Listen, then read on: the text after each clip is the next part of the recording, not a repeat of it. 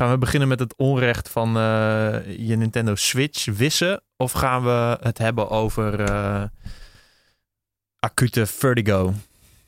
Eh, laten we daar maar mee beginnen. Dat ligt nog het verst in mijn geheugen. Daar heb ik gisteravond nog een beetje mee moeten dealen. Wat is het, wat is het eh, ehm, Nee, ik, het? heb, ik heb het juiste woord er trouwens voor. Er is een goed Nederlands woord voor. Ja, het is... wat is de overtreffende trap van verst dan? Van vers? Vers, verser. Oké, Meest vers. verst. Maar wat, is, Verst. maar wat is het overtreffende trap van ver? Ook verst. Verste. Goeie, dat is wel, ja. Meest ver, ja, ik weet niet. Als iets ver in je geheugen... Nou, ja, maakt het niet uit. Ja. Leg maar uit. Context. Leg maar uit. ja. Neuritis vestibularis. Hey. Ah. Ja. Wat is het? Ehm, het is eh, acute vertigo. Dus eh, wat, het, wat het is, is dat eh, je gewoon super duizelig wordt. En dat is meestal gepaard met misselijkheid. Eh, en dat blijft dan ook een tijdje aanhangen. Eh, die, je hebt niet continu die heftige duizeligheid en misselijkheid. Maar als je een verkeerde beweging maakt, dan val je er wel weer heel erg diep in. En dan kan je gewoon even een tijdje niks. Dan moet je liggen met je ogen dicht. Ehm, en ik had dat dus maandagochtend. Ehm, ik kwam weer even thuis naar boodschappen doen. En ik dacht, ik ga heel even gamen. En ik pakte mijn controller. Ik ging zitten op de bank en bam, ik voelde meteen de hele kamer draaien. Ik voelde me super misselijk. En ik had zoiets van, oh nou, dit heb ik wel eens twee of drie keer eerder meegemaakt in mijn leven. Toevallig het afgelopen jaar. Het zal wel niks zijn. Ik ga gewoon even vijf minuten liggen. En dan is het weg. Maar nee, het bleef, ten eerste bleef het echt een kwartier of een half uur duren. Ehm, en toen het weg was, bleef die misselijkheid voornamelijk heel erg aanhangen. Dus ik dacht van oké, ik ga gewoon een uurtje in bed liggen. Ga misschien een kleine siesta doen of zo. En dan is het waarschijnlijk wel weer over. But no, it was not. Uh, ik heb er tot gisteravond nog mee lopen dealen. Nou, eigenlijk gisterochtend. Gisteravond had ik er nauwelijks last van. Alleen nog heel lichte, lichtelijk die misselijkheid. Ik was gisterochtend ook naar de huisarts. En die zei dus dat ik inderdaad neuritis vestibularis had. Dat ik dus kristallen had die in mijn inneroor rondzweefden. Die- ja, het klonk heel naar. MDMA-kristallen in je oor. Nee, dat- en, is dat, zijn ze veel waard? Kan dat ook? Zo, waren ze mooi? Dat vraag ik me af. Eh, maar die hebben mijn, mijn evenwichtsbalans, dus eh, mijn evenwichtsorgaan, dus volledig uit balans gebracht. Ehm, en ik heb dus wel een paar oefeningen gekregen. Ik denk dat ik me daardoor vandaag heel erg goed voel. Maar eh, dan gaan die kristallen daarvan weg? Of moeten die gewoon... Die worden weer geherpositioneerd, waardoor ze uit mijn oor vallen ergens in mijn kaak. Het klinkt super ranzig. Wow. ja, maar ik moest dus Ja. zeg maar, met, mijn met mijn hoofd zo op mijn bed liggen, met mijn hoofd naar achter en dan mijn hoofd op bepaalde hoeken draaien en dan een paar seconden vasthouden. Ehm, maar het is nu zo goed als weg. Ik had vanochtend een heel lichtelijke misselijkheid. Maar ehm, ja, meestal duurt het ook maximaal een week. Ik heb er dus vijf dagen last van gehad. Ja. Maar misschien moet je ook gewoon niet zoveel zuipen. Ik heb vorige week op donderdag voor het laatst gesopen. Ik denk niet dat dat het was. Ah, Ja. oké. Maar dat is... Oh, ja, mm, interesting, interesting. Ik- Komt het vaak voor?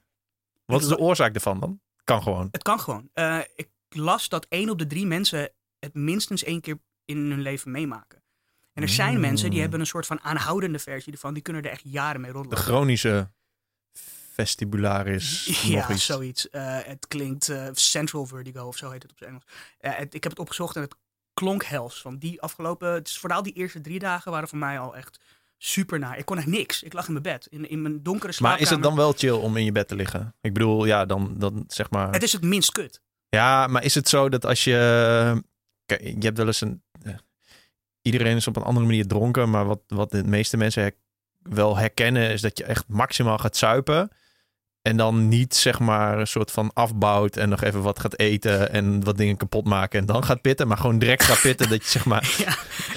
ik, ik ben vaak genoeg Is het dat zeg maar... straalbezopen geweest om te weten dat het anders is. Want als ik bezopen ben, dan gaat mijn, mijn beeld, mijn visie, dat herhaalt zich een beetje op een, op een manier. Het beweegt omhoog de hele tijd. Mhm. Dus als een videoband die vastloopt. En deze druis, eh, draaiduizeligheid was heel erg horizontaal. Het draaide heel erg van links naar rechts. Het was volledig anders. Het was echt gewoon alsof eh, de, de binnenkant van mijn hoofd werd rondgedraaid door iemand. Oh. Eh, dus het was niet echt te vergelijken. Het enige wat te vergelijken was, is dat als je stront Lazarus bent en je wilt naar huis lopen, dat je denkt van ik loop naar rechts, maar stiekem loop je links naar de muur toe, zeg maar. Ja, maar ik bedoel meer dat als, je, dat als je in bed ligt, dat je knetterhard gaat. Alsof je dus zeg maar, wat Ja. jij een beetje beschrijft, Oh ja, alsof je in zo'n rollercoaster zit, Ja, in een zwembad, en terwijl je tolt. En, En dan alleen maar denkt van, eh, ik wou dat ik sliep of dat ik gewoon nooit meer ga zuipen. ik wou dat ik een infuus lag met allerlei eh, electrolytes en zo, ja. Ja. Ehm, Dat inderdaad wel. Maar als je inderdaad dan stil ligt met je ogen dicht, dan voel je het wel langzaam wegtrekken. Opstaan is Oh, gewoon, moet je gewoon niet doen. Dan, dan gaat het niet weg. Ik had één keer, eh, toen ik eh, geopereerd was aan mijn eh, knie, dat er een stuk meniscus was afgeknipt. Oeh. Omdat dat los zat. En daarvoor had ik een ruggenprik gehad. En eh, dat, ja, dat ging niet echt goed met verdoven. En dat moest nog een keer. En toen viel ik bijna flauw. En toen Oh. nog een keer. En toen nou, was het allemaal prima gegaan, die operatie. Alleen toen was er dus een gat in mijn ruggenmerg. Dus als ik dan opstond, was er een drukverschil. Waardoor zodra je het zeg maar, Oh. opstaat, dat je dan direct ja, zo fucking duizelig en misselijk bent. Dus gewoon je ligt en dan voel je gewoon helemaal chill. Alsof je gewoon, ja, gewoon, het is gewoon neutraal. En iedere keer vergeet je dat natuurlijk. En dan sta je op om even iets te pakken of gewoon, ja, En dan word je te gaan leven, zeg maar. realiteit. En dan ja. denk je, bam. Oh, wat naar. Ja, dat was wel een Klinkt beetje... echt als een soort van mini-hernia of zo die ze je gegeven hebben tijdelijk. Ja, die, die, eh, letterlijk. Nee, ik weet niet of ik letterlijk moet zeggen. Maar eh, door dat drukverschil, ja, je- eigenlijk in het, in het heel erg klein eh, stroomt je, je, mer, je ruggenmerg gewoon zeg maar uit je hoofd. Dus je hebt Oh. direct. maar- dat klinkt zo naar. ja, het is echt. Oh. Dit, ja, dit klinkt echt super overdreven en heel raar, raar omschreven. En het is natuurlijk tien jaar geleden, dus ja, Ik waarschijnlijk. wil niet net zeggen, hoe lang heb je daarmee rondgelopen? nou ja, dat duurde een paar dagen. Maar het is, wel, het is echt heel, het is echt heel vreemd. Er is niks aan de hand als je, als je in bed ligt. Ja. Ben je gewoon chill. En als je opstaat, ben je gewoon helemaal fucked. Zo. Nou, mooi. We hebben het in ieder geval 6,5 eh minuut gehad over onze medische achtergrond. maar ik wil het hebben over gamen. Yes. Want eh, ik zie heel vaak eh, ehm, eh, hele furieuze, emotionele tweets van jou. Mhm.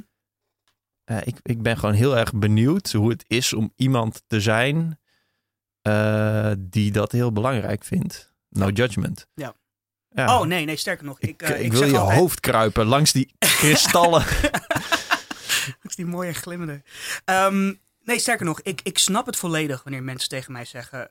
je gamet superveel, is dat niet een verspilling van je tijd? nee, is knettermooi. leven? Ik, Of- ik, zal, ik wil nog even iets toevoegen. Dat Ja. ik, dat ik, eh, ik ben zeg maar van een soort rationele dude aan het veranderen in iemand die heel erg belangrijk vindt dat mensen hobby's hebben en shit doen omdat ze gewoon shit doen. Oh, dat zie ik ook wel in je Twitter trouwens terug. dat je chiller wordt qua Ja. hoe je het leven indeelt. Nou ja, eh, misschien is, heet dat gewoon volwassen worden. En eh, Ja. bedenk ik daar als een millennial nu op dit moment heel anders over. Maar goed, daarom vind ik dus ook, als je het hebt over gamen, zeg maar. Ja, mensen doen dat gewoon omdat, omdat ze dat doen, zeg maar. Omdat ze dat chill vinden. En dat vind ik nice. En eh, daar, daarom vind ik, zeg maar, als jij een van de rant houdt over wat voor game en wat er allemaal eh, voor, voor vette of niet vette dingen in gebeuren of eh, weet ik veel wat. Denk ja, dat is wel echt tof dat je gewoon dat dat, je wereld is. Ik snap er geen ene reet van. Maar ja, daarom, ik, ik, moet er, ik moet er wel bij zeggen, ik heb altijd al van games gehouden. Ik, ik werd verliefd op games toen ik drie was en ik in Spanje een Double Dragon arcadekast zag staan. Ehm, maar ik, ik denk niet, ja, ik wist niet wat ik deed, maar ik drukte op knopjes en gasten deden vette dingen. Dat is het enige wat ik hoefde te weten. Ja. Eh, maar ik moet wel zeggen, als ik niet nu op professionele wijze voor geld, zoals ik altijd zeg, eh, zou mogen gamen en erover zou mogen schrijven, denk ik niet dat ik er nog steeds zoveel tijd dagelijks in zou hebben gestoken. Ik zou er nog steeds heel veel tijd in hebben gestoken, want ik hou ervan. Het is mijn favoriete kunstvorm. Ja. Ehm, maar het feit dat ik op een gegeven moment merkte tijdens mijn studie van wow, ik heb kansen om dit professioneel te gaan doen. En ik mocht Japanse developers interviewen en ik mocht games spelen en mensen wilden graag luisteren naar mijn mening. Dat heeft er wel voor gezorgd dat ik op een gegeven moment ook zoiets had van oké, ik vind het niet alleen leuk, ik wil er ook goed in worden. Ik wil, ik wil er veel over weten. Ik wil, ik wil dat mensen mij uiteindelijk kunnen zien als, ook als een expert hierin. Maar is er een verschil tussen eh, pro-gamer zijn, dus echt goed zijn in een game of verschillende games, ik weet niet hoe het werkt, en iemand die gewoon veel verstand heeft van games, hoe ze gemaakt worden of wat voor Oh, genres er zeker weten. Er is zelfs eh, er is een, een, een vrij aanhoudende notie. En het wel begrijpelijke. Dat gamejournalisten over het algemeen hele slechte gamers zijn. Dat ze wel Oh. veel weten over games. Maar dat ze eigenlijk heel slecht zijn in games. Heel vaak noemen mensen de easy mode in games. Noemen ze ook de game journalist mode. Oh, ja. Ik vind het ook heel belangrijk van mezelf dat mensen mij niet zo zien. Daarom ben ik ook heel trots op het feit dat de meest notoir moeilijke games van de afgelopen tien jaar, games zoals Dark Souls en Bloodborne, dat ik die gewoon echt volledig uitgespeeld heb. En dat ik mijn replays ervan upload op YouTube. Mensen kunnen dat gewoon zien. Ehm, Maar d- dat is belangrijk omdat jij, jij wil helemaal niet. Nou, omdat ik geloof wel dat je kunt niet echt iets heel goed snappen of er heel veel vanaf weten of andere mensen gaan vertellen wat er zo goed of slecht aan is, zonder dat je echt de game ook volledig kunt ervaren. En Maar- ik denk dat je een game alleen volledig kunt ervaren als je er goed in wordt. Ah, is dat een beetje hetzelfde als, ik noem maar iets, eh, dat je een chefkok bent en dan pas mag praten over smaken en eh, eten presenteren? Ja en nee. Aan de ene kant geloof ik ook dat je heel erg. Er zijn mensen die zeker last hebben van de autoriteitsdrogreden. Ja, Oh, jij mag er niet over meepraten, want jij bent niet X. ja. Dat vind ik bullshit. Maar er zit wel een kern van waarheid in. Eh, ik zal nooit. Ik, ik heb niet een supergoed palet. Ik hou van koken en ik hou van lekker eten. Maar een maat van mij is echt een echte chefkok. En ik merk gewoon als ik zijn eten proef. dat deze gast veel meer verstand heeft van wat hij doet. En dat hij ook bepaalde smaken en smaakcombinaties herkent die ik niet herken. Mhm. Ehm, ik heb het idee, hoe arrogant dat ook misschien mag klinken, dat ik dat een beetje heb met videogames. Ik, ehm, ik denk iets beter te snappen dan bijvoorbeeld mijn broertje.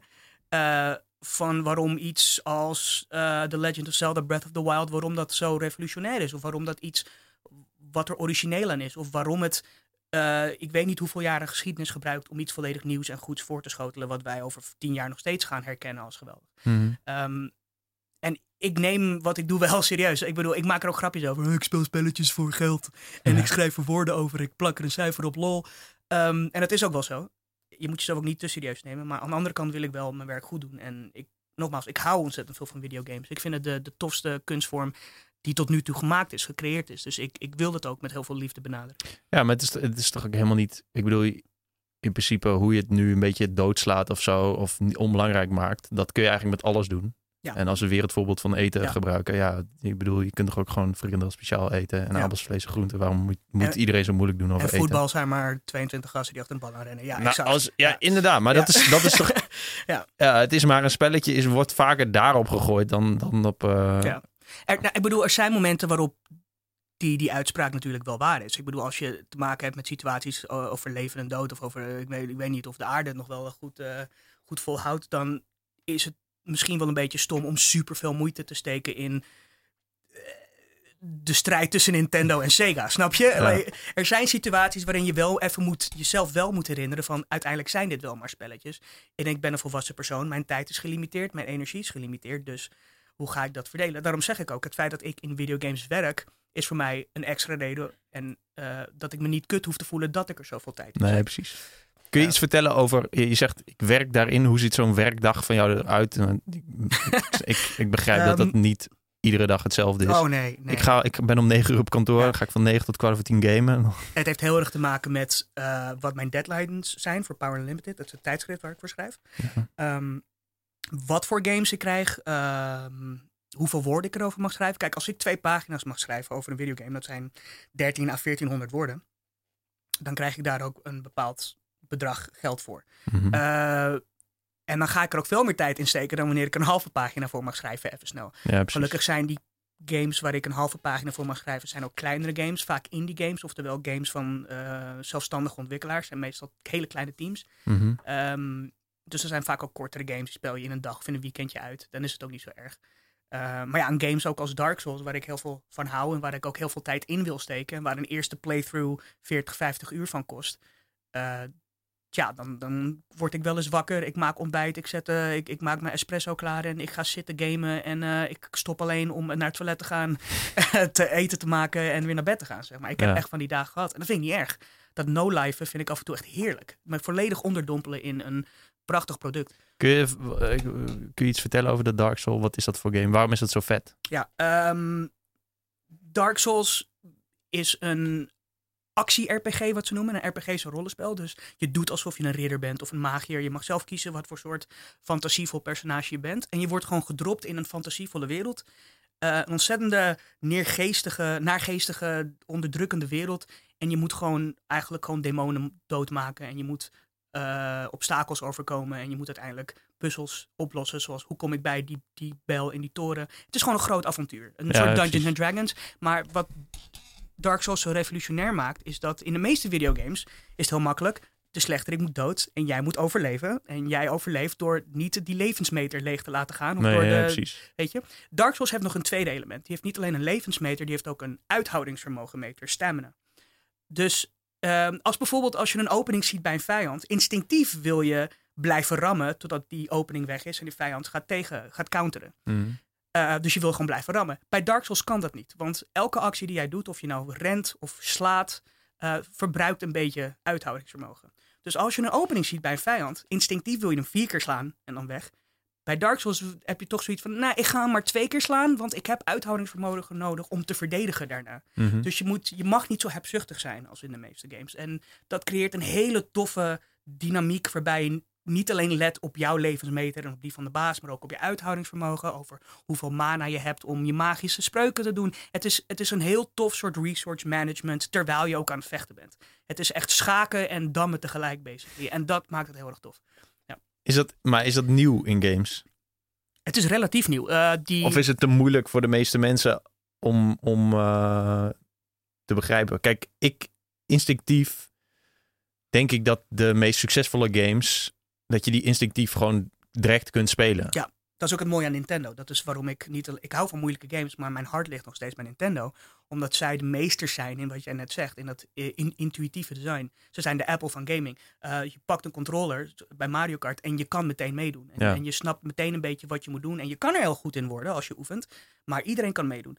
Dark Souls is wel een tandje harder. Die heeft, die heeft ook zoiets van iedereen kan dit spelen, maar alleen als ze echt de moeite doen om te begrijpen hoe de regels van dit spel werkt.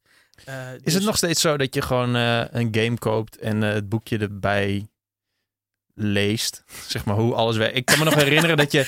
Wat had je nou vroeger op, de, op de Game Boy? Volgens mij Mortal Kombat of zo. Dat je in één keer zo. erachter kwam hoe al die speciale dat stond acties boekje, ja. waren. Ja. En dat je dan later achterkwam... Oh ja, maar dit staat ook allemaal in dat, dat tyfusboekje. Wat je direct in de kast dondert. Beneden voor eh, punch is een eh, speer, ja, exact. Eh, nee, nee. dat komt door twee dingen. Ehm, digitale aankopen. De meeste games worden tegenwoordig digitaal verkocht. Ja. Dus je gaat naar een, een online winkel en dan bestel je games en dan download je hem op je apparaat. Zij het een PC of een console. Ehm, dus dat boekje, fysiek krijg je het er niet meer bij. Je- krijgt, wat je moet doen nu, is gewoon het internet opgaan. En eh, naar communities gaan of naar de officiële website. En daar staat daar wel wat informatie. Maar voornamelijk Reddit is een hele grote bron geworden. En, en is het... eh, ja, eh, ik ben blij dat ik echt een enorme noob ben. Want ik game echt al fucking lang niet meer. Maar is het, is het dus ook zo dat, zeg maar, wat vroeger dat boekje was, wat je erbij kreeg, is dat nu ook vervangen door bijvoorbeeld Twitch streams van mensen die het gewoon uitleggen? Dat je denkt, ah ja, vet, dat ga ik ook zo doen. Of dat dat niet. zo? Twitch heeft een hele andere aantrekkingskracht, denk ik. Ehm, want uiteindelijk alles wat we doen, geloof ik heel erg in elke kunstvorm, elke media, uiteindelijk is een manier voor ons om toch te, opnieuw te connecten met elkaar. Dat denk ik altijd. Ehm, of om, om onszelf beter te begrijpen, iets beter te begrijpen van hoe de mensen in elkaar zitten. En ik denk dat Twitch ook gewoon zoiets is. Het gaming element is bijna een excuus. Het gaat niet om de games die die Twitchers spelen. Het gaat uiteindelijk om dat je wil connecten met degene die het doet. Ja. Ehm, maar ik denk echt het boekje is eh, van hey, ik wil beter worden in de game. Ik wil de game beter leren. Dat is echt vervangen door games als door websites als GameFAQs of Reddit of Ja. gewoon zelfs Twitter. Twitter is ook een het is ontzettend tof hoe gamers met elkaar praten op Twitter en hoe ze eh, tips heel kort met elkaar delen. Eh, sterker nog, Dark Souls, waar ik het net over had. Een van de weinige redenen waarom die game zo groot geworden is, is ook omdat het echt vertrouwde daarop. Dat games ook, eh, gamers elkaar gingen helpen. Die game is super mysterieus. Het vertelde niet hoe je een bepaalde deur opende of zo. Ze hadden echt zoiets van, ja, zoek het maar uit. En deel het vervolgens met elkaar op het internet. Ah, dat is wel nice. Dat is heel tof. Ehm, het bracht spelers echt bij elkaar. Het had zelfs een systeem dat je hints op de grond kon achterlaten. Die dan mensen in hun game online zouden zien op hun grond. Eh, je kon bijvoorbeeld kort hints achterlaten zoals spring hier vanaf. Of eh, pas op, vijanden. En dan zagen mensen dat in hun game. En dat is een heel tof sociaal element. Ah, nice. Maar is het, maar dan, hoe werkt het dan? Ik bedoel, je hebt, je hebt zeg maar online multiplayer games.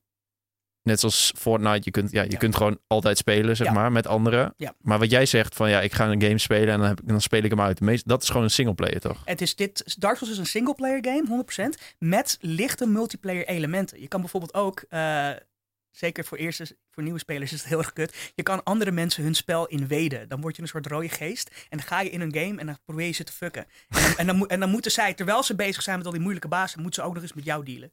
Eh. Maar over het algemeen, het toffe aan Dark Souls qua multiplayer is gewoon het feit dat je hints kunt achterlaten. Dat je ehm, inderdaad een berichtje op de grond schrijft en die ander ziet het dan in zijn game of, of haar game. Ehm, en dat is iets wat voor Dark Souls niet echt gedaan werd. Dat, dat bestond niet. Maar als je zo'n game hebt uitgespeeld, je kunt hem nog een keer spelen. Ja. En is hij dan anders? Zeker weten. Eh, de eerste keer dat je Dark Souls speelt is het bekend en onbekend en mysterieus en moeilijk. Dus je doet bijvoorbeeld 10 uur over het eerste grote gebied.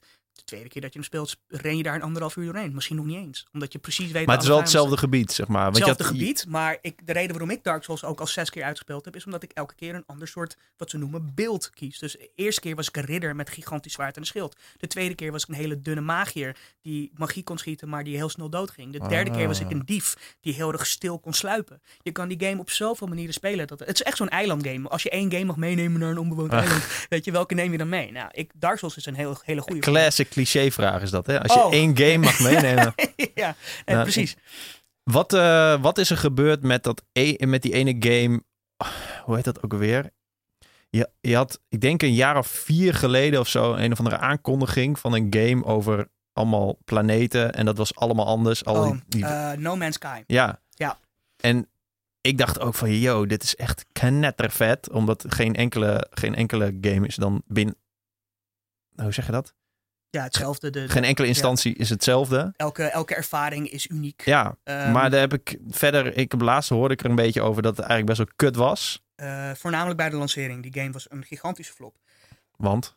Ehm, nou ja, sommige dingen die de developers zeiden, die waren gewoon leugens. Zoals ze zeiden bijvoorbeeld, ja, de kans dat het gebeurt is minuscuul, maar je zou elkaar kunnen tegenkomen op een van de miljarden planeten die de game gecreëerd heeft. Ja. Er zijn mensen geweest die letterlijk gewoon, die hebben dat ook via de streams laten zien, die daadwerkelijk op dezelfde plek stonden, op dezelfde planeet, in het uithoek van het digitale universum. Mensen zagen elkaar niet. Dat was ehm, Ah, de, de, de variatie in flora en fauna die beloofd werd. Maar de, de- voor, de, voor de luisteraars, het was een... Ik weet niet of ik het goed uitleg hoor. Maar het was een spel die eigenlijk werelden en wezens de hele tijd genereert. Ja, dus eigenlijk was ja. alles uniek. Het, het was een wereld die eh, letterlijk een, een uniek universum genereerde door middel van een algoritme. Eh, dus die maakte steeds nieuwe planeten aan. En elke planeet was anders. Die gebruikte vormen, kleuren, noem maar op, om steeds andere planeten te maken. En ook dus inderdaad de dieren en de planten die erop voorkwamen, die werden ook automatisch gegenereerd. Ehm, maar dat is ook het ding. Mensen kwamen erachter van, oké, oh, alles is anders, maar niet alles was even goed. En dit is ook wat ik al heel lang riep, want er zijn heel veel games geweest die wat ze noemen ehm, randomly generated content maken Ja. door middel van algoritme. Dat, het algoritme bepaalt dus wat er gecreëerd wordt. En Jawel, maar anders. bijvoorbeeld vroeger zeg maar met, met Seven Kingdoms, dan zat de mijn zeg maar niet op dat ene blokje, maar, maar 16 blokjes naar rechts en 8 naar boven. En dan had je een andere, ander watertje. Maar dit was gewoon echt alles was... Maar alles wat anders, maar dat is het hele ding. Ehm, ik denk dat mensen, mensen verkeken zich op de hype ervan. Want je wilt niet per se altijd iets anders. Je wilt gewoon al, je wilt altijd iets goeds. Ja. En als iets randomly gemaakt wordt door een algoritme, betekent het niet dat het goed is. Als je een game maakt die echt met liefde en waar bloed, zweet en traan in zit van developers, die echt goed nagedacht hebben over hoe ze de, de levels gecreëerd hebben, en hoe ze de uitdagingen aan je pacen, eh, wanneer ze, waar ze een vijand plaatsen en waarom, waar ze de beloning plaatsen en waarom. Dat gaat altijd beter zijn dan een universum dat randomly gecreëerd wordt door, door een, een, een algoritme. Eh, de, de, de nieuwigheid van wow, eh, er zijn miljarden planeten, zijn allemaal anders. Dat is, dat is een nieuwigheid. Dat is hyped zijn voor de technologie. Maar technologie moet ondersteunen. Het moet niet het, het Mm. einddoel zijn. Het is net als dat je zegt van wow, eh, deze schilder gebruikt een, een heel raar soort rood. Ja, super vet. Maar, maar wat maakt hij ermee op, op, op, Ja, op, ja, precies. de painting, je weet je? Ehm, en dat was een beetje het probleem van No Man's Sky. Mensen kwamen erachter dat, ja, elke planeet zag er anders uit. De dieren zagen er allemaal anders uit. Maar wat je op die planeten deed, was uiteindelijk hetzelfde. Je, je liep rond, je mijnde materials, je bouwde een beetje aan je schip en je vloog weer verder naar een andere planeet. En het was super saai. Ja, ik kan me voorstellen dat het in de praktijk super saai is. Maar in theorie lijkt het me nog steeds vet om te spelen. Omdat je gewoon tot in de eeuw... Ik, ik had echt zoiets van, yo, als ik deze game speel, waarschijnlijk ga ik dan... Word ik een soort van Samuel, dat ik gewoon wakker word, die game ga spelen. En dan denk, oh ja, kloot, het is ook kwart over vier. Misschien moet ik iets eten of zo, Oh, weet je wel. dat gevaar is wel echt. Ik ken wel meer mensen hoor, die eh, hebben gezegd van, eh, ik game niet of niet meer. En dat is niet omdat ik het niet wil, maar omdat ik weet dat als ik eraan begin, dan, dan bijt het zich in mij vast en dan laat het zich niet meer los. Ehm, en dat begrijp ik, dat begrijp ik heel goed. Ik denk dat iedereen voor zichzelf moet kiezen hoe ze hun tijd indelen en wat goed voor hen is en niet. En hoe ze productiviteit inschatten en zo. Ehm, maar ja, ik, ik denk eerlijk gezegd, persoonlijk, ik denk niet dat No Man's Sky, zelfs al, als je als je het zo indrukwekkend zou vinden hoe die werelden gegenereerd worden. Ik denk niet dat jij het langer dan eh, misschien een week of een maand toch zou vasthouden. Hoor. nou, weken van maand is toch nog best wel, eh, best wel aardig. Ja, oké, maar dat is ook het mooie aan videogames. Ik bedoel, ehm, als mensen aan mij vragen waarom vind jij videogames het allermooiste medium dat er is, eh, en je wil niet weten hoeveel respect ik heb voor bijvoorbeeld ook boeken of films of muziek, dan is het omdat videogames dat soort dingen kunnen. Ze kunnen de verhalen vertellen van boeken en films. Ze kunnen je de emotionele impact geven, directe impact geven van muziek. Ze kunnen jou de interactiviteit geven van een bordspel of van omgaan met een ander persoon, maar op een veel belachelijker, belachelijker, ja, Ja, omdat je, maar, belachelijkere scale. ja, maar omdat je Ja. alles combineert, toch? Ik bedoel, die, die- kijk, zoiets simpels als dat zo'n controller kan bewegen. Dat je dan ook geluid hebt. En dat je, te- terwijl je een puzzel oplost, met iemand anders, in een wereld. Ja, dat is toch gewoon... Ja, maar dat is niet alleen een combinatie van elementen. Dat is, dat is synergie. Dat is heel goed gebruik maken van die elementen om een ervaring voor te schoten die je nergens anders kan vinden. Dit is ook waarom ik heel veel mensen haat me ervoor. Ik haat heel veel moderne games omdat ze te veel films willen zijn. Je speelt een stukje en je krijgt een heel lang tussenfilmpje. Je Oh, maar hier wil ik het nog wel even over hebben. Ja, maar ga door. ehm, je speelt een stukje, je krijgt een lang tussenfilmpje. De meest emotionele momenten zijn in tussenfilmpjes waar je geen controle over hebt. Mensen, games als The Last of Us of weet je, noem het maar op, die worden geprezen als de beste videogames ooit. En ik vind ze verschrikkelijk. Want ik vind de beste videogames, dat zijn de games waarbij je datgene doet wat je alleen kunt doen in videogames. Oftewel interactiviteit. Games waarin je gewoon het verhaal zelf creëert. Waarbij je de ervaring zelf meemaakt door wat jij doet. Niet door wat je ziet, maar wat jij doet. Mhm. Dat vind ik de beste videogames. Nou, ik, ik dacht meer dat je naartoe wilde gaan. Zeg maar, je, je hebt onlangs die, die, eh, eh, die, hoe heet dat? Live action remakes van Disney films. Hoe heet dat ook Oh, weer? ja, ja, inderdaad. Nou ja, bijvoorbeeld wat, wat met The Lion King, zeg maar, dat was vet. Omdat het een tekenfilm is vet, omdat je dan zelf nog een soort van fantasie erop kan gooien. En omdat in een tekenfilm kun je bijvoorbeeld als hyena's een dansje gaan doen op muziek. Of als die, die, die geest van Aladdin opeens allemaal andere vormen aanneemt. Dat kan in een tekenfilm, omdat het een tekenfilm is. Dat- Dan, dan, je, je plakt dan met je eigen fantasie. Je hebt geen tussen- limieten, juist. en als je, als je een soort van Planet Earth-achtige versie van The Lion King gaat maken, dan is alles al ingevuld. En dat is fucking saai. En Het is slecht. saai, want het niet alleen is het ingevuld, maar je kan bepaalde dingen ook niet. Je kan niet die super expressieve gezichtsuitdrukkingen die je in de tekenfilm had, kan je niet doen in zo'n live action Nee, maar sterker nog, Ja. als je nu zeg maar een echte leeuw lijkt, dan is het echt fucked up dat een leeuw gaat praten. Ja, nee, maar exact. Dus En- dat, dat, dat is wat ze noemen, eh is een heel mooi woord voor. Ehm, Kut. de uncanny valley. Oh. Dat wanneer iets realisme, hoe meer iets realisme benadert, hoe erger de dingen die niet realistisch zijn gaan opvallen. Dit is ook waarom bijvoorbeeld wassenbeelden in Madame Tussauds creepy zijn. Ja. Omdat ze realistisch lijken, maar omdat ze zo realistisch zijn, zien we wat er niet realistisch aan is. En dat fuckt met ons, onze Ja, maar dat is, dat is een beetje het verschil. Dat, je hebt zeg maar karikatuurtekenaars. Dat is grappig, omdat je weet dat het een karikatuur is. Ja. En je hebt mensen die fucking goed gezichten kunnen tekenen. En als je het net niet kan, dan, dan maak je alleen maar Dat- dat fucked up gezichten. raar. Terwijl gewoon zelfs een, een, een matige karikatuur is altijd leuk om te zien. En je Ja. herkent bijna altijd wel wat er, wat ermee wordt gezegd. Ja, nee, dat Ja. is een beetje... eh, Dit is ook waarom ik liever super gestileerde games speel dan super realistisch ook. Want als ik een super realistisch model zie van een persoon, ik kan me alleen, ik kan me alleen focussen op hoe die mondhoek net niet goed beweegt of zo. Terwijl als ik gewoon een, een Disney soort van gete- handgetekend personage zie, dan, daarom is Mario dus ook vet. Mario maar. is geweldig. Mario is, is voor een reden iconisch. Hij is voor een reden een van de meest bekende fictieve personages ooit. Ja. Maar als je... Ja, maar het is, het is dus, die, die Disney remakes is dus een beetje hetzelfde alsof je Mario nu zeg maar gewoon een echt mens zou laten zijn in Ja. zo'n pakje. Ik, ik vind het een hele goede vergelijking en ik zou dat ook net zo verschrikkelijk vinden. En dan, ja. Ja. dan is oké, de nieuwe versie van Mario Kart is nu gewoon zeg maar dat je niet tegen de zijkant van muren kan rijden, maar gewoon, weet je, wel? Ja, ja exact. En ja. niet onder water en dat soort... eh, En je hebt geen eh, blauwe schildjes die je uit de lucht bombarderen. Nee, nee, nee. nee, precies. Ja. Ik ben wel benieuwd hoe dat eruit zou zien. Hey, wat is de vetste game? Waar, wat is de beste game die er nu is? En je mag niet Dark Souls zeggen. Ik ga niet Dark Souls zeggen. Ehm, ik ga wel...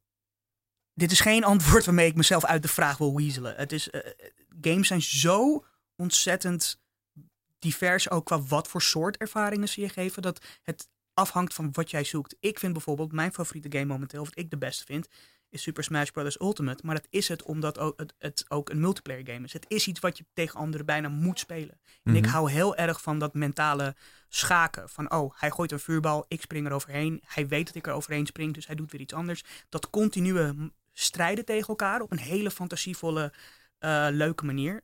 Dat, ik heb dat nog nooit zo goed gezien als in Smash Bros. Ultimate voor de Switch nu. Waar- waarom is dat zo goed? Ehm, ten eerste vanwege wat ik eerst zei. Het, het combineert die easy to pick up, hard to master gameplay. Ik vind dat waar, waar Nintendo super goed in is. Mhm. Dus iedereen kan het oppakken. Iedereen snapt meteen een beetje hoe het werkt en wat je moet doen. Maar je kan, er zo, je kan er zo absurd goed in worden dat het verschil tussen een beginneling en een pro echt mijlenver uit elkaar staat. Dus je, je, je kan het op elk niveau spelen. Dat vind ik super knap. En Nintendo voornamelijk is daar heel erg goed in. Ten tweede is het qua content absurd gevuld. Er zitten eh, personages in uit ontelbare franchises. Er zit echt 80 uur aan muziek in van oude en nieuwe videogames. Het is bijna ency- encyclopedisch gewoon. Qua wat het, hoe het de hoogtepunten van Japans en Westers gaming probeert samen te brengen in één game. Dus ook gewoon als liefdesbrief aan gaming vind ik het heel erg goed. Ehm, Hoe kan, het, Ja. hoe kan het goed zijn door als het zoveel is? Dat lijkt me dan weer lastig. Ja, of hebben ze eh, nou net juist de plank raak geslagen? Ja, echt dat laatste. Eh, ik ben het met je eens. Ik haat meestal dingen die te veel dingen, eh, te veel elementen in één product willen stoppen. Dat is, you know, too many chefs spoil the soup. Ik, geloof er heilig in. Maar Nintendo is daar gewoon om een of andere reden heel goed in geworden. Ook omdat Smash Bros. Ultimate is ondertussen wel het, moet ik even goed zeggen, vijfde deel in de serie. Je ziet gewoon hoe ze per deel dat langzaam hebben opgebouwd. En hoe ze heel meticuleus gewerkt hebben aan hoe kunnen we deze formule perfectioneren. En de, de kwaliteit verhogen door middel ook van de kwantiteit. Ehm, en een van die dingen is gewoon ook de liefde voor, voor het bronmateriaal. Als ze een, een, een third-party personage, oftewel een personage dat niet van Nintendo zelf is, in die game verwerken, zoals Cloud van Final Fantasy of Snake van Metal Gear Solid, dan doen ze dat op een manier dat heel erg trouw is aan de games waar zij vandaan komen, maar ook op een manier waarbij het past in een game met Mario en Yoshi. Mhm. En die manier, die, hoe ze dat gedaan hebben, is gewoon super knap. Het is met, eh, er zit gewoon heel veel liefde in. Eh, Sony heeft het namelijk ook geprobeerd. Die hebben in de tijd van de PlayStation 3 hebben ze een game uitgebracht. eh, Sony PlayStation All-Stars Battle Royale. Dat was echt een Smash Brothers rip-off, maar dan met Sony-personages zoals Kratos van God of War en zo. En dat, dat, dat was verschrikkelijk. De personages clashten met elkaar stilistisch. De gameplay was heel saai. De menus zagen er goedkoop uit. En je zag gewoon dat ze gewoon geld me- ermee wilden verdienen. In plaats van dat ze met liefde die personages in één game hadden gestopt. Maar geloof je Ja. dat Nintendo dat dan heel anders doet? Ik bedoel, hoe, Ja. hoe kun je daar achter komen? Hoe kun je dat Nou, weten? eh, Weet eh, jij veel over dat, over dat bedrijf? Ik weet heel erg veel over het bedrijf. Ook omdat het gewoon eh, het bedrijf is waar ik voor de eerste keer mee in aanraking kwam in videogames, basically. Eh, het was de eerste console die ik had in Nintendo. Dus Nintendo is gewoon iets wat ik, wat ik altijd heel erg goed gebestudeerd heb. Eh, maar het is ook een van de langstlopende spelers in de videogame-industrie. Dus ze hebben ook gewoon een hele rijke geschiedenis.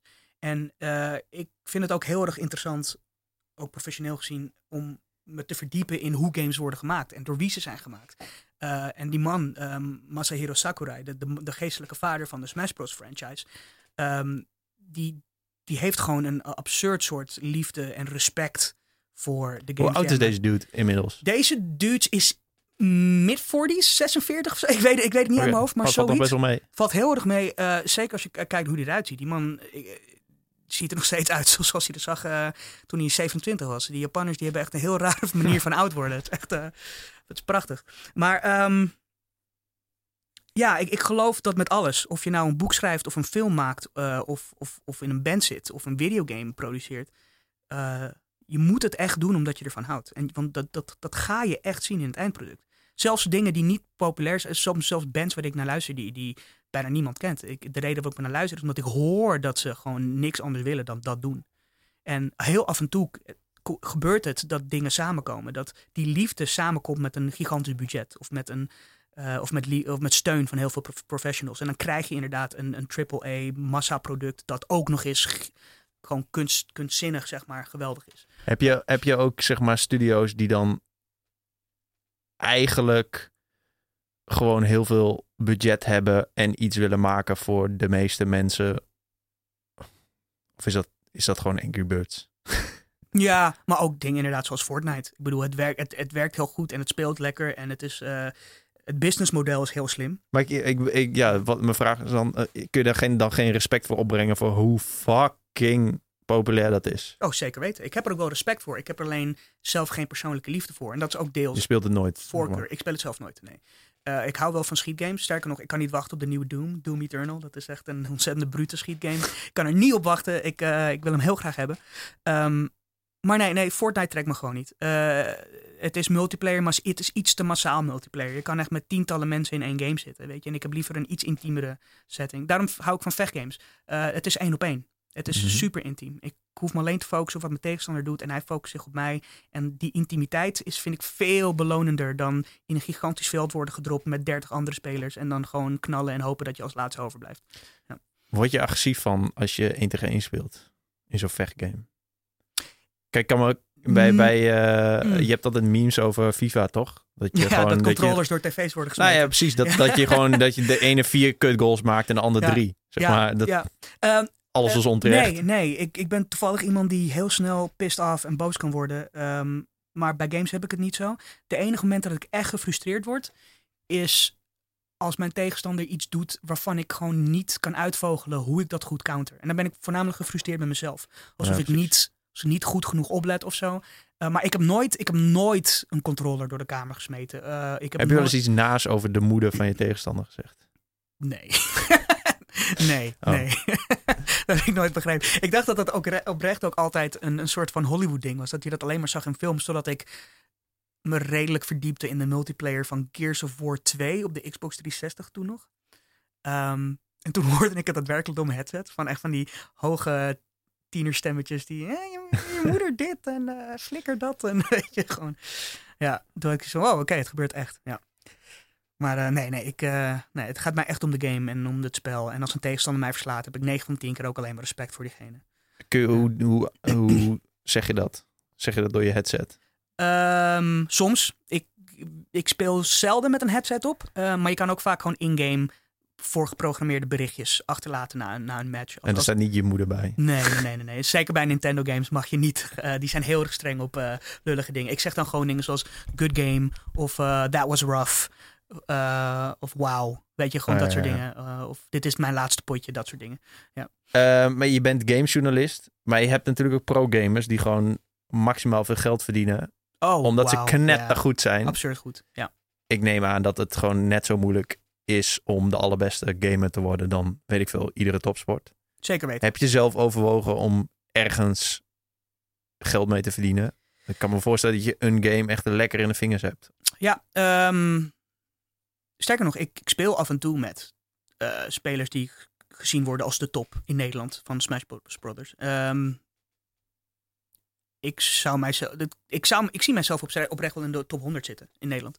Ehm, van die, deze van, game. Van deze game. Ehm, ik, ik, ik speel het al sinds Hoeveel mensen spelen het? redelijk veel. Behoorlijk veel. Het is een van de grootste eh, vechtgames in, in, die, die competitief gespeeld worden. Ehm, maar er is een periode geweest rond de release van de tweede game. Dat, we hebben het over, die game kwam uit in 2002. Smash Bros. Melee voor de Gamecube.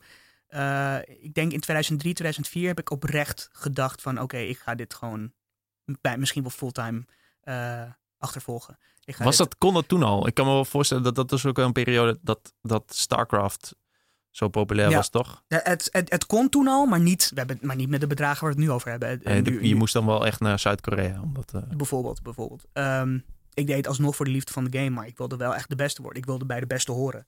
Is mij nooit gelukt en eh, ik, ik kan, je moet er ook echt wel heel veel tijd in steken. Mensen die bij de beste horen, die, die spelen dit minstens acht uur per dag ook gewoon, gewoon als training, zeg maar. En dat, dat is, gaat mij net een stapje te ver ook. is het, eh, ik kan me nog herinneren dat een vriend van mij, shout-out Rick, eh knettergoed was in StarCraft. En eh, het was dus heel vaak, ik, heb je dat ook gespeeld? Eh, ik heb de eerste StarCraft heb ik wel eens gespeeld, ja. ja, ja. Nou ja, dat is een strategiegame. En dan op een gegeven moment dan, je- ja, dan was je op een eh, planeet en de ene bouwde zijn stadje. Ja. Ik zeg het waarschijnlijk helemaal verkeerd. Nou, ja, En- je, je, kan een militaire basis ja, bouwen. en die andere daar. En dan ja. ging je tegen elkaar knokken. En op een gegeven moment vonden ze, snapten ze allebei wel, nou, die ene gaat winnen. En dan, dan Ja. quitten ze de game, zeg maar. Ja, dat is- werkt dat in alle games zo? Dat je zeg maar... Rage je- quit, ja, dat gebeurt helaas wel. nou, nee, het is geen rage quit. Je hebt gewoon, ja, je, je hebt gewoon door. Ik bedoel, anders moet je helemaal doorgaan tot je het laatste poppetje en het laatste gebouw hebt. eh, ja, ehm, bij strategiegames is dat inderdaad wel wat anders. Want eh, als het duidelijk is van de ander gaat winnen, dan kan je vaak ook niet terugkomen. Want op een gegeven moment word je gewoon echt overlaagd door het leger van die ander. Die Ja. is overduidelijk veel sterker. Dat is, dat is ook het mooie aan vechtgames. Bij vechtgames is dat niet zo. Als jij echt een pixel aan health over hebt en de tegenstander heeft een volle meter, kan jij alsnog winnen. Ja. Ehm, sterker nog, de meest legendarische momenten in videogames zijn dat soort competitieve momenten. Je moet maar een keer eh, opzoeken naar de podcast ehm, Evo Moment The Beast Unleashed. Dat is een moment in Street Fighter 3 eh, waarbij de twee beste spelers ter wereld tegen elkaar aan het spelen zijn. En eentje lijkt te verliezen. En de gast die lijkt te winnen doet dan een supermove op diegene. En die gast doet iets wat nog nooit eerder gebeurd was. Die, die gast die bijna verloor, die pareert elk deel van die supermove. Pareren betekent blokken, maar dan zonder dat je verliest. Dat is echt, we hebben het echt over nauwkeurigheid van een milliseconde dat je die moves moet doen dan. En die doet er niet alleen, die doet dat niet één keer goed, maar die doet dat veertien keer goed achter elkaar en die countert vervolgens en die doet zelfs zijn eigen supermove en die wint alsnog. Nou, die zaal in Las Vegas waar dat toernooi gehouden werd, dat ontplofte. En dat is ook een legendarisch moment. Ik heb zelfs mensen die geen fuck verstand hebben van videogames, die nooit Street Fighter gezien hebben, als die mensen zien die clip en die krijgen kippenvel. Omdat ze zien dat er iets speciaals gebeurt. Is het een beetje zoals uh, Usain Bolt die die 100 meter wint, zeg maar? Oh, Zo'n zo moment. Makkelijk, ja. Ja, het, het, is, het is letterlijk een, een, een iconisch, historisch moment geweest. Ehm, ik, ik heb er ook voor Flabber toen de tijd, ik heb er echt uh, een 2000 woorden artikel over geschreven. Puur over dat moment. Ook om uit te leggen wat er gebeurde voor mensen die het vet vinden, maar niet weten wat er gebeurde, zeg maar. Ah, ja. oké. Nou, ze komen in de show notes, die ik toch nooit schrijf. Maar uh, ik... Nog één keer, wat moeten mensen googlen? Kunnen ze nu meetypen? Um, ik ben even het nummer vergeten van Ivo, maar Ivo, dus EVO, Moment, The Beast Unleashed. Het is, uh, het is Daigo tegen Justin Wong, uh, die in Street Fighter 3 uh, zeg maar een, een, een competitieve match doen. Evo is het, de naam voor het grootste vechtgame toernooi ter wereld. Het is elk jaar in Las Vegas in de zomer. En dit speelde zich af in 2003 of 2004. maar het is, het is zo'n iconisch oh, moment. Oh, dat echt best wel lang geleden. Het is best wel lang geleden. Ja, Street Fighter 3 is ook een relatief oude game. Hoe groot is zijn videogames nu competitief in Nederland? Ik, oh, heel, um, heel zijdelings snap ik dat mensen FIFA tegen elkaar spelen. Dus de, de Eredivisie clubs hebben mensen in dienst die met een Ajax shirtje of een betreffende club shirtje tegen elkaar gaan spelen. Ja. Maar er is natuurlijk veel meer van. Kijk, ik klik nooit op dit soort filmpjes, dus ik kom niet, ik kom niet in mijn, in mijn bubbel terecht, zeg maar. Geen probleem. Uh, het zou je misschien verbazen, maar Nederland doet het absurd goed op dat gebied. Uh, misschien dat wij zelf in ons land nog niet superveel e-sport evenementen hebben. Al zijn er wel echt een paar, ook een paar aanzienlijke. Maar uh, wij hebben verrassend veel uh, pro-spelers die uit ons land komen. Heel veel goede spelers in bijna elke vorm van e-sports die je kan bedenken. Vechtgames, schietgames, st strategiegames. wij hebben verrassend veel grote namen die uit Nederland komen. Um, een, van de een paar van de beste spelers voor Smash Bros. ter wereld komen ook uit Nederland. Bijvoorbeeld zoals Mr. R. Ja, ik heb nog een paar mensen waar ik even. Is er niemand met gewoon zijn eigen naam? Iedereen heeft gewoon een nickname.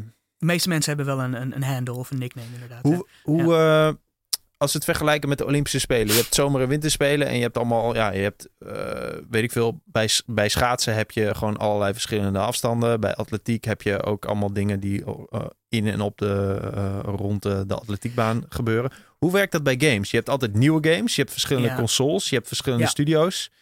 Je hebt verschillende soorten genres van games, zeg maar. Je hebt niet zoals je, je hebt niet een soort Olympische spelen van de videogames. Er is niet één evenement. Maar heb je wel een soort, heb je wel een koningsnummer van de videogames? Heb je een 100 meter binnen videogames? Of verandert dat ook weer steeds? Dat verandert om de zoveel jaar wel. Um... Het is niet één game die zeg maar al 15 jaar. Ja, toevallig wel. Uh, Smash Bros. Melee. Die game die in 2002 uitkwam. En dat is ook een hilarisch ding om te zien. Die scene is nog steeds gigantisch groot. Het is een van de meest gespeelde uh, Maar die oude game? Ja. Die oude game wordt gespeeld competitief op grote toernooien naast de nieuwe game. Ah, oké. Ja. Ehm, en het mooie van Smash Bros. Melee is, die wordt ook nog steeds gespeeld op oude beeldbuizen, CRT-tv's.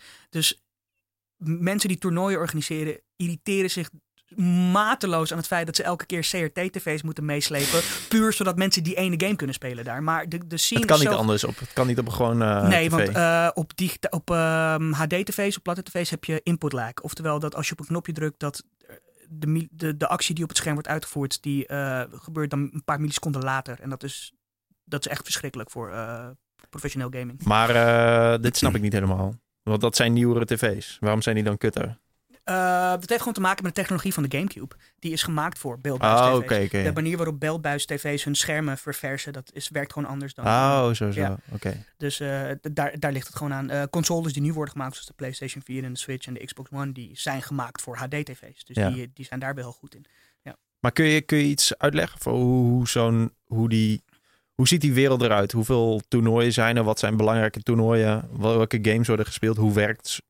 Ehm, ik weet Zoiets. dat er bijvoorbeeld binnenkort in de jaarbeurs, als ik het goed zeg, is er een vrij groot vechtgame evenement in Nederland. Eh, en daar worden games gespeeld zoals Tekken 7, Street Fighter 5, Smash Brothers Ultimate en Smash Brothers Melee.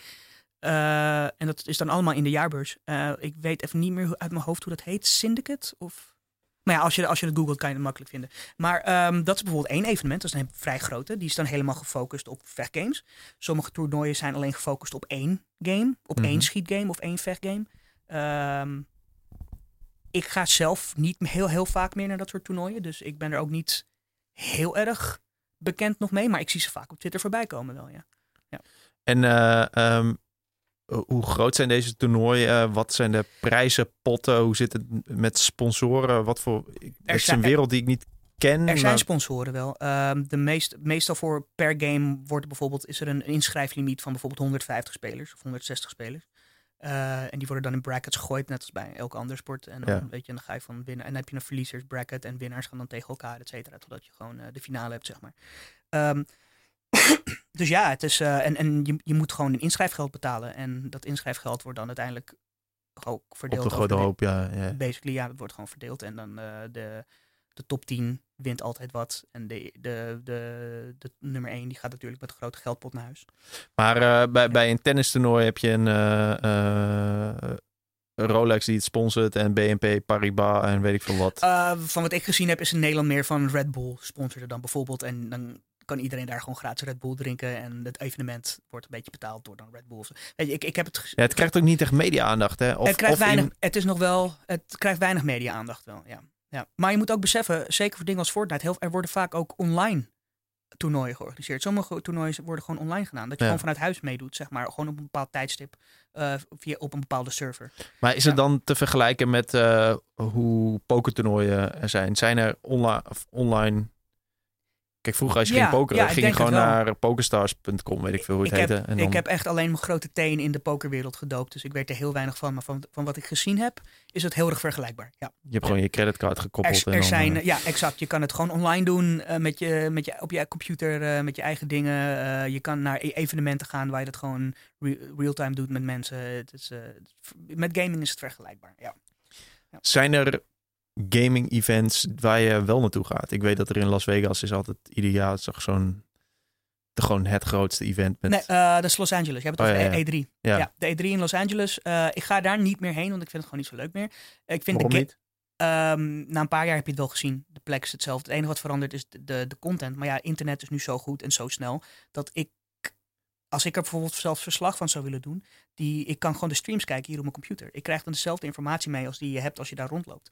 Ehm, en nogmaals, als ik echt de nieuwste games wil spelen, een paar weken later eh, kan ik die games dan testen op Gamescom. Gamescom is basically de E3, maar dan in Europa, in ehm, Keulen, in Duitsland. Ja. En die is zelfs een tandje groter. Keul, eh, Gamescom is ondertussen groter geworden dan de E3. De leukste vind ik de Tokyo Game Show in Tokyo. Maar ja, goed, dan moet je naar Japan. Eh, Mhm. Ik ben er een paar keer geweest en ik vind het geweldig. Eh, maar dat komt ook gewoon dat ik een stomme weep ben. Ik hou van Japan. ja, daar moeten we het straks even over hebben. Ja. Ehm, dus ehm, ik ga er heel graag naartoe. Maar dat is ook deels voor de cultuur en het feit dat ik daar games zie die hier gewoon nooit worden uitgebracht zelfs. Japan heeft een hele andere gamecultuur dan het Westen. Dus er worden gewoon ook daar games uitgebracht die niet te vergelijken zijn met wat we hier op de markt zien. Oké, nou, dit is, dit is al gewoon het bruggetje al. Ja. Maar wat, wat voor games zijn dat? Ehm, Japan houdt heel erg van Japanse rollenspellen. Japanse RPG's. Het beste wat we, waar we het meest herkenbare wat we hier in het Westen hebben daarvan zijn dingen zoals Final Fantasy of Pokémon.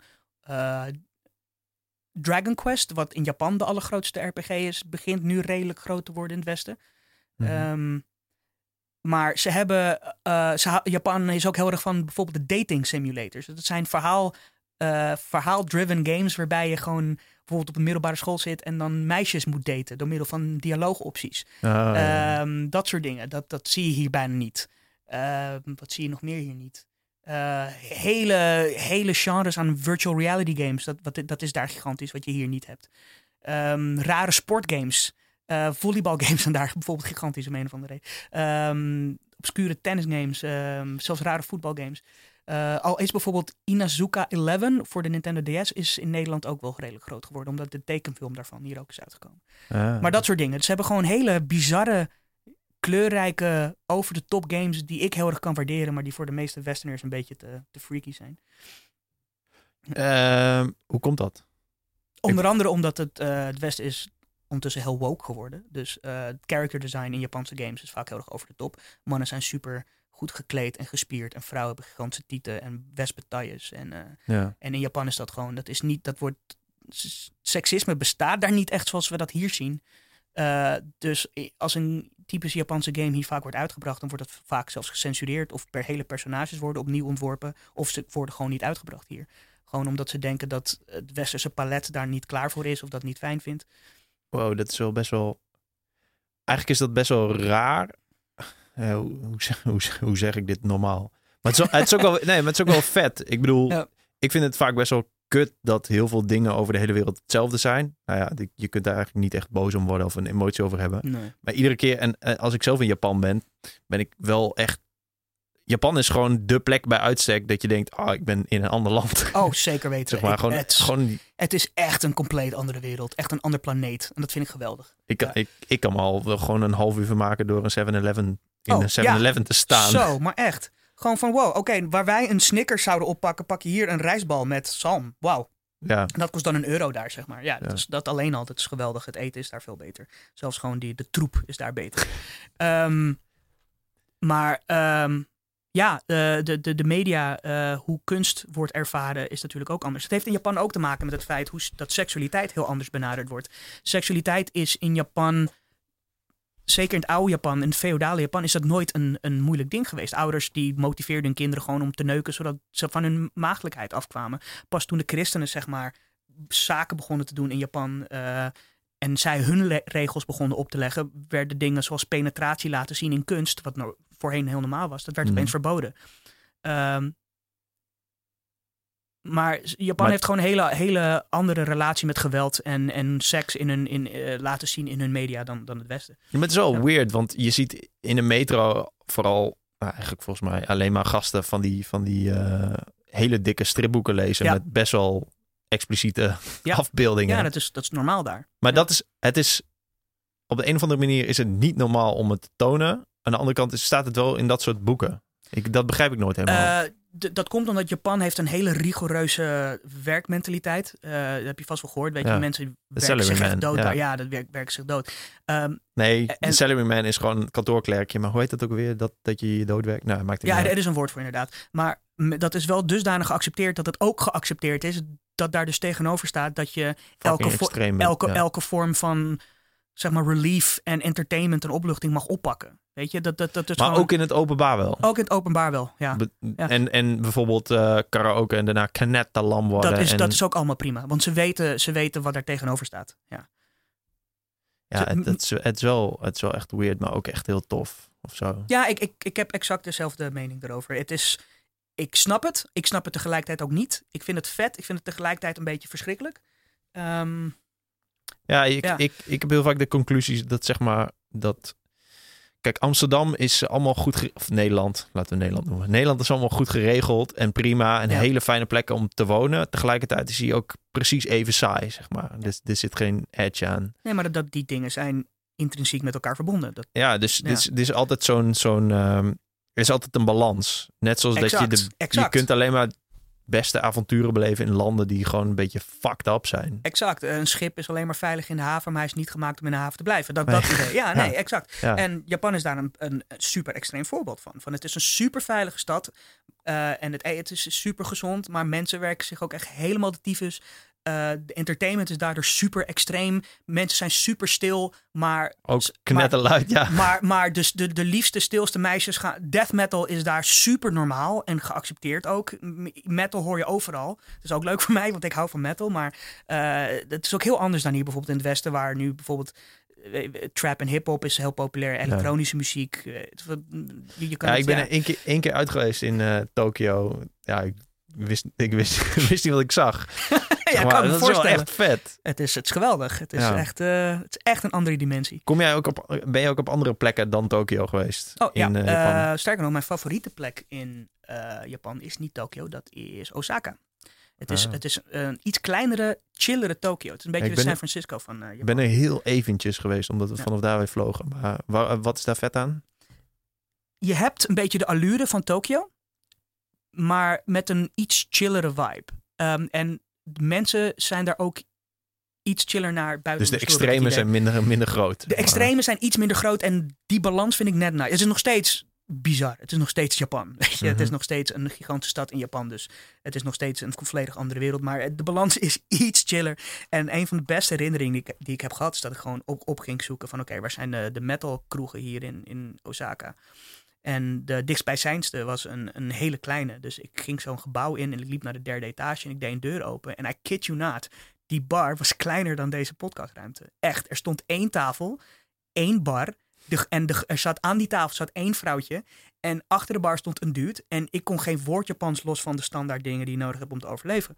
En ik heb echt de hele avond, nou ja, de hele avond, een uur of twee, drie, heb ik met die gast gecommuniceerd door gewoon bands te noemen. Ah, Motorhead, oh ja, ja, Slayer. Weet je, gewoon, en dan gingen we gewoon bands noemen. En dan bestelde ik een drankje en dan gaf me een gratis drankje. En dan ging hij op zijn scherm, want overal staan schermen. Je kan niet alleen muziek draaien in een kroeg, je moet ook een groot scherm hebben. Mhm. Ging ik op het scherm, ging je dan ook videoclips draaien van de bands die wij noemden. En hij heeft mij bands laten zien die ik niet kende, die ik nu geweldig vind. Je hebt bijvoorbeeld een Japanse band die heet, die heet de Sex Machine Guns. Die zijn ja. geweldig.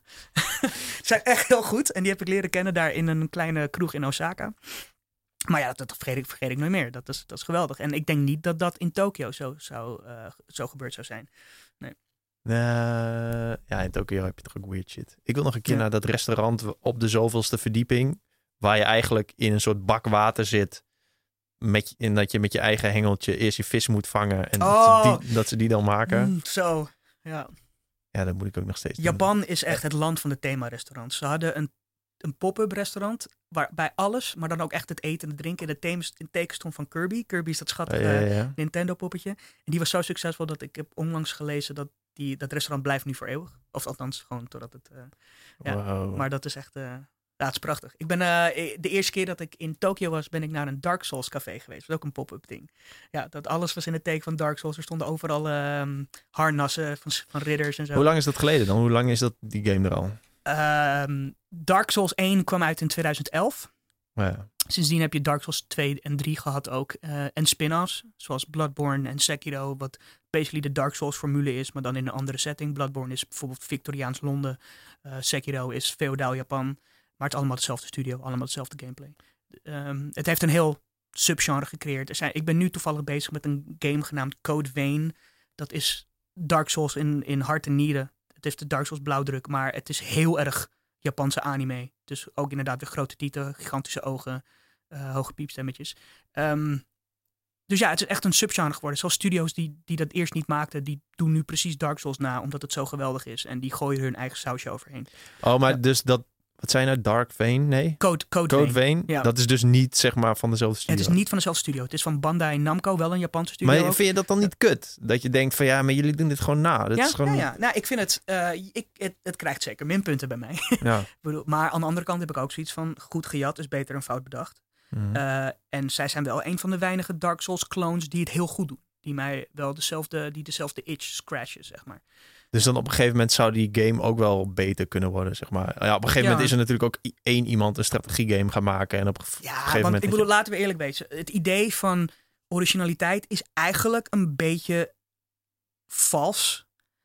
Alles is geïnspireerd door iedereen. Iedereen jat van elkaar. Ik bedoel, zelfs al, volgens mij Ja, was Albert is een Einstein beetje- die zei van... Ja, is een beetje dooddoener. Ja, nou, want- nee, maar ik, ik geloof daar heel erg in hoor. Want eh, Dark Souls is revolutionair geweest, ook met zijn uithoudingsvermogen systeempje en zo. Maar dat, dat is wel een evolutie van wat je van. dingen die je in andere games zag of zo. Eh, Niemand bedenkt echt dingen volledig zelf. Daar geloof ik echt heilig in. Ehm betekent niet dat mensen geen eer mogen krijgen voor de dingen die ze verzinnen. En dat, dat, er nik, dat plagiaat niet bestaat. Dat bestaat zeker. Mhm. Ehm, maar ik vind wel dat we van elkaar moeten mogen lenen. Ik vind ook zeker dingen zoals bijvoorbeeld wat hip-hop geweldig doet, heeft gedaan, sampling. Weet je, Mhm. hoe zij sampling een essentieel deel hebben gemaakt van Ja. de manier waarop ze muziek maken, vind ik geweldig. Dat moet blijven bestaan. Ik ben ook ontzettend tegen de strenge copyright laws bijvoorbeeld. Wat je nu ook heel erg ziet wat YouTube aan het doen is. Eh, ik vind eh, fair use, zoals het in Amerika genoemd en gebruikt wordt, vind ik geweldig. En ik vind dat Nederland daar ook wel iets vrijer in Hoe, ga, hoe streng gaat YouTube daar nu op dan? Ik bedoel, eerder mocht je toch gewoon zoveel seconden van een nummer en zoveel seconden van een beeld. E- Eerlijk gezegd weet ik het niet meer. Eh, op, dit, ik weet niet hoe ze er nu mee omgaan. Ik, zit daar, ik ben er momenteel niet zo heel erg mee bezig. Ehm, maar ja, om het even terug te brengen naar Code Vein. Ik, ik vind het... Ik vind het omdat de game zelf uiteindelijk heel goed is, omdat het eindproduct werkt, vind ik het niet zo erg meer dat ze gejat hebben van Dark Souls. Als de game ook nog eens heel kut zou zijn, zoals andere Dark Souls clones, zoals Lords of the Fallen of The Surge, die hebben ook Dark Souls nagemaakt, maar dan gewoon niet goed, dan vind ik het nog veel erger. Ja, dus niet ja, alleen precies, jat je ja. het concept, maar je voert het ook nog eens kut uit, weet je? Ja. Ehm, Het is gewoon de. AliExpress versie ervan, zeg maar. exact, ja, de, de. Aldi, eh, de, de, de Euroshopper versie. Ja. Ja. Hey, eh, eh, als je een, een gameliefhebber bent zoals jij en je gaat naar Japan een week, behalve dan dat je naar zo'n theme restaurant gaat, wat, kun, wat ga je dan nog meer doen? Hoe ziet jouw vakantie of jouw trip eruit? Als echt specifieke game-liefhebber, ehm, Kijk, ik ga er gewoon dingen eten en ja, ook wel een Oh, ik beetje. TripAdvisor top 10 eh, doen. Maar ja, jij zult waarschijnlijk... geloof me, ik, ik, ik vind eten is, ligt dusdanig dicht bij mijn hart. Eh, dat is ook wel echt hetgene waar uiteindelijk mijn be- Ja, bezoek aan Japan om draait. Maar Ik zie al die dingen- karakters, zie ik zeg maar links en rechts voorbij schieten in allerlei verschillende vormen. Mensen hebben pakken aan, je hebt al die, die, die figurines, zeg maar. Je Ja. hebt van die, van die eh, arcade hallen waar ik dan Exact. alleen Mario ga doen. Je hebt in, eh, wat ik meestal doe, zeker in Tokio, je hebt een buurt in Tokio, genaamd Akihabara. Akihabara is, of Akihabara, ik weet nooit zo goed waar ik de klemtoon op moet leggen, want je hebt niet echt klemtonen in, in Japans. Eh, maar dat is een wijk in Tokio, ehm, in het centrum van Tokio, wat gezien wordt als het Nerd Valhalla. Ik ga daar altijd heen en niet alleen... Huh, maar ten opzichte van... nog, het is omdat daar, het, het, dat is echt waar alle nerdshit gecentreerd zit. Dus je hebt daar heel veel arcadehallen bij elkaar. Je hebt gamewinkels bij elkaar. eh, heel veel game-gerelateerde restaurants zitten daar. Ah. Je kan echt in een paar minuten kan je de belangrijkste dingen zien. De, de, de, de, grote, de grootste Sega-arcade zit daar. Je hebt daar bijvoorbeeld een arcade waarbij de derde en de vierde verdieping zijn, is puur dedicated aan vechtgames. Aan grote arcadekasten van vechtgames. En mensen zitten daar echt tot diep in de avond. Salarymen van, in hun, van 38 zitten daar gewoon rokend tegen elkaar Street Fighter te spelen. En nou echt, die zijn goed ook. En ik vind het prachtig om daar rond te lopen en te zien hoe goed die mensen zijn. En af en toe een potje te spelen en dan mij, en, you know, getting my ass handed to me. En dan gewoon eh, prachtig. En dan, dan ga ik naar, eh, je hebt bijvoorbeeld een winkeltje vlakbij het eh, metrostation van Akihabara. Dat heet eh, Super Potato. Maar zit het vlakbij Shibuya? Ja, in ja, Shinjuku? ja, ja, ja, het is echt twee of drie haltes daar vandaan. Met, Ah. de, met, de, met de, de, de groene metrolijn. Ja. Ah. Ja, het is een van die haltes daar. Ehm, het, zit, het zit er vlakbij. En Super Potato is een winkel dat die volledig in het teken staat van retro consoles. Dus dan kan je echt voor een paar yen kan je oude Super Nintendo games oppikken daar. Of Game Boy games. Ehm, en dat is ook gewoon... ik- oh, alleen daarin al rondlopen is voor mij gewoon geweldig. ja. Dus Akihabara is, eh, dat is, dat is voor mij wel echt altijd, altijd het hoogtepunt van Tokio. Ja. Ik wil nog even hebben over, eh, over VR. Ja. Is een van die dingen net samen met AI en blockchain. Ja. Die, die zeg maar sinds, sinds een jaar of drie of zo. Eigenlijk die drie dingen. Eigenlijk was de toekomst. Drie jaar geleden Ja. was de toekomst dat in eh, 2030 dat eigenlijk alles AI, VR, blockchain was. En de rest niet meer. Maar waarom is het zeg maar... Ja, dit is gewoon een beetje to, to a standstill gekomen, toch? niet zozeer to een ta- standstill, eh, want het is nog steeds wel een, een, een tof en relatief groeiend onderdeel van de gamingmarkt. Maar waarom het inderdaad niet zo gigantisch is geworden als iedereen zei, en dat is dezelfde reden waarom ik toen ook al zei van mensen jullie overdrijven, is omdat mensen lui zijn. Ook, ook in de keuken, weet je. Mensen houden van goed eten, maar ze willen het vaak zelf niet maken, want ze willen niet al die dingen erbij pakken en al, al die moeite doen. Hetzelfde met VR. Mensen hebben vaak een VR-bril thuis. Ik heb zelf een PlayStation VR en het, ik heb een paar geweldige games daarvoor. Maar waarom ik het toch niet zo vaak oppak, is omdat als ik een VR-game wil doen, moet ik de tv aandoen. Ik moet de Playstation aandoen. Ik moet de bril aandoen. Ik moet de bril lenzen schoonmaken. Ik moet die bril op mijn hoofd zetten. Ik moet de bril afstellen. Ik moet de motion controllers pakken. Ik moet de motion controllers kalibreren. Ik moet uh, et cetera, et cetera, et cetera. Voordat ik eindelijk in die game zit, ben ik een paar minuten verder. Terwijl als ik gewoon even wil gamen na een lange dag, ik ga zitten, ik pak mijn controller, ik doe die shit aan en, ik, en it's go. Ja.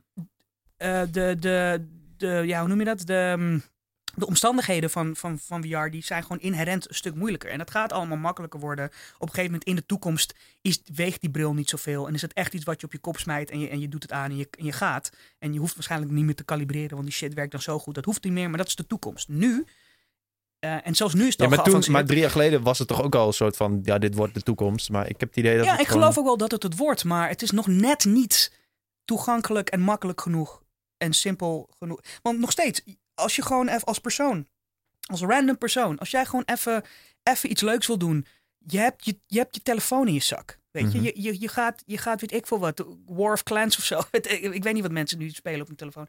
Je, je, je doet dat even voor vijf minuten voordat je iets anders ga, gaat doen. Of je gaat even naar social media. Social media is de grootste, tussen aanhalingstekens, boosdoeners als het gaat om de evolutie van gaming. Want uiteindelijk de meeste mensen gamen om die dopamine hit te voelen in de hersenen. En die krijgen ze ook als ze gewoon even op, op Facebook gaan. Ja, ik was dus gisteren in eh, Londen.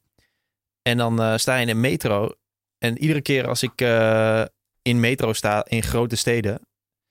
En in, ik vind het in Nederland wel meevallen. Maar hoe fucking veel mensen, jong en oud, dun en dik, lang en kort. Hoeveel mensen gamen. En ja, die, Ja. die, dat, kutspelletje wat ik altijd op spelen.nl deed met die balletjes. Weet je wel, dat je de balletjes moet schieten. En dat je dan, dan drie op een rij en dan dondert alles naar beneden. Dat ja, soort ja, ja, dat je denkt, geweldig. maar ik denk dan heel vaak, dude, dit is toch fucking saai. Dit is toch kut. Terwijl ik gewoon zelf lekker op social media zit te scrollen tot, Nee, maar de- tot ik een ons weeg. je, be- en dit je is precies wat je aanstipt. Ja. Ja. je beantwoordt je eigen vraag.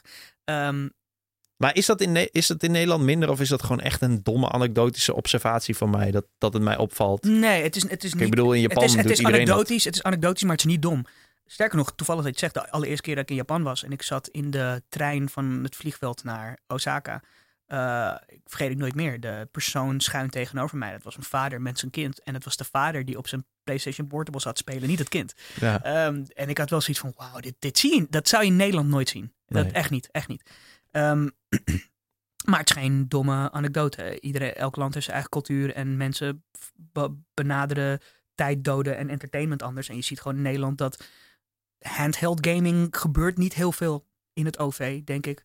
is Ehm, het, is het, ja, is het daarmee in de wereld een van de minst populaire markten. tenminste in de weet ik westerse niet, wereld. Weet ik niet. Wat ik wel weet is dat Nederland altijd heel erg voorop is geweest met social media. Misschien komt het Ja, omdat we ooit hypes hebben gehad. Ja. maar ja, Nederland is gewoon heel erg eh, social media savvy. Dus eh, ik denk dat mensen ondertussen zoiets hebben van... oh, als ik, eh, als ik die dopamine hit wil, dan start ik gewoon even Instagram op of zo. En ja, precies. ik moet ook eerlijk zeggen, als ik... Ik ga niet heel veel meer met openbaar vervoer. Maar als ik dat wel doe, dan...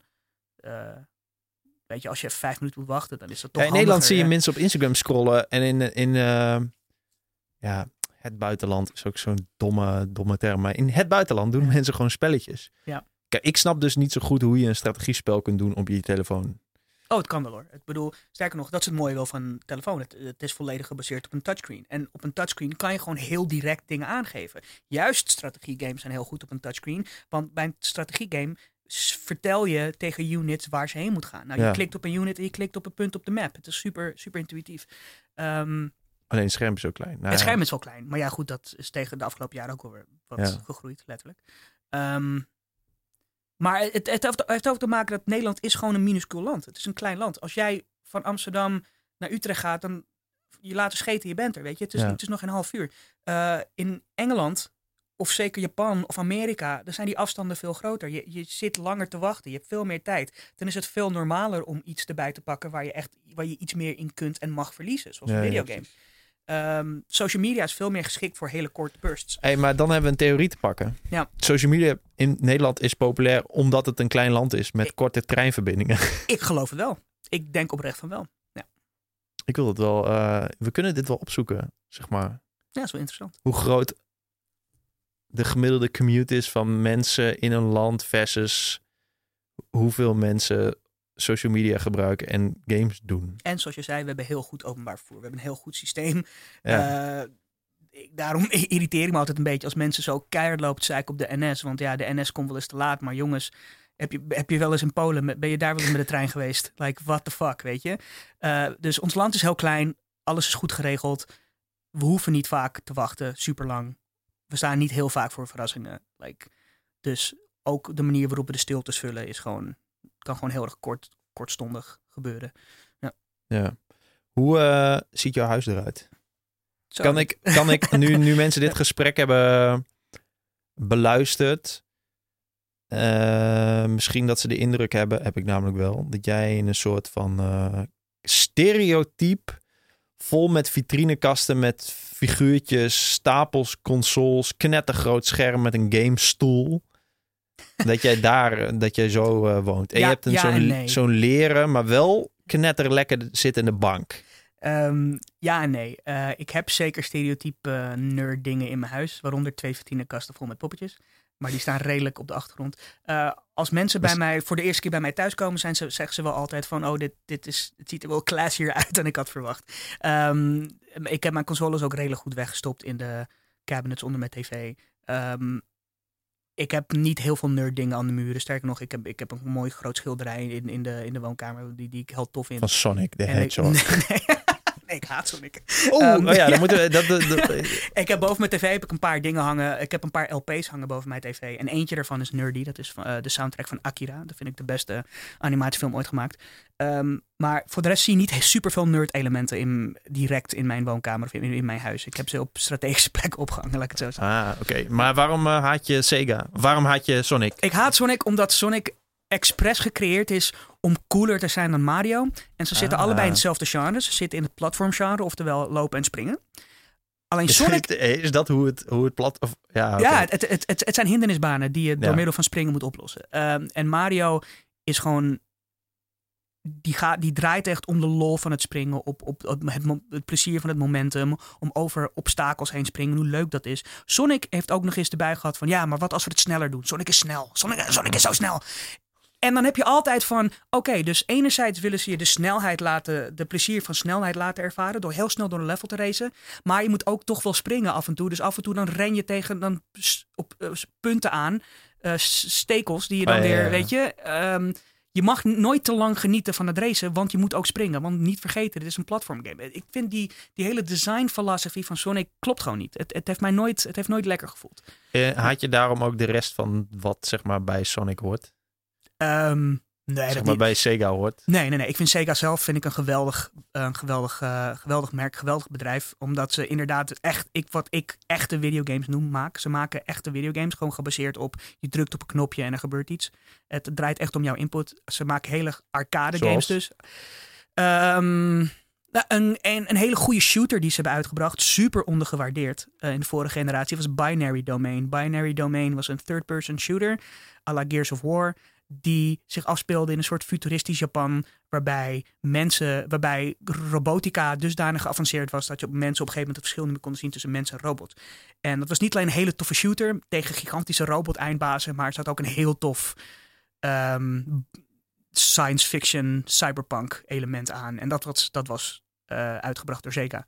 Ehm, Sega brengt, is volgens mij ook nu de publisher van de Yakuza-serie. Yakuza is een soort, soort GTA, maar dan, maar dan veel gekker en in Japan.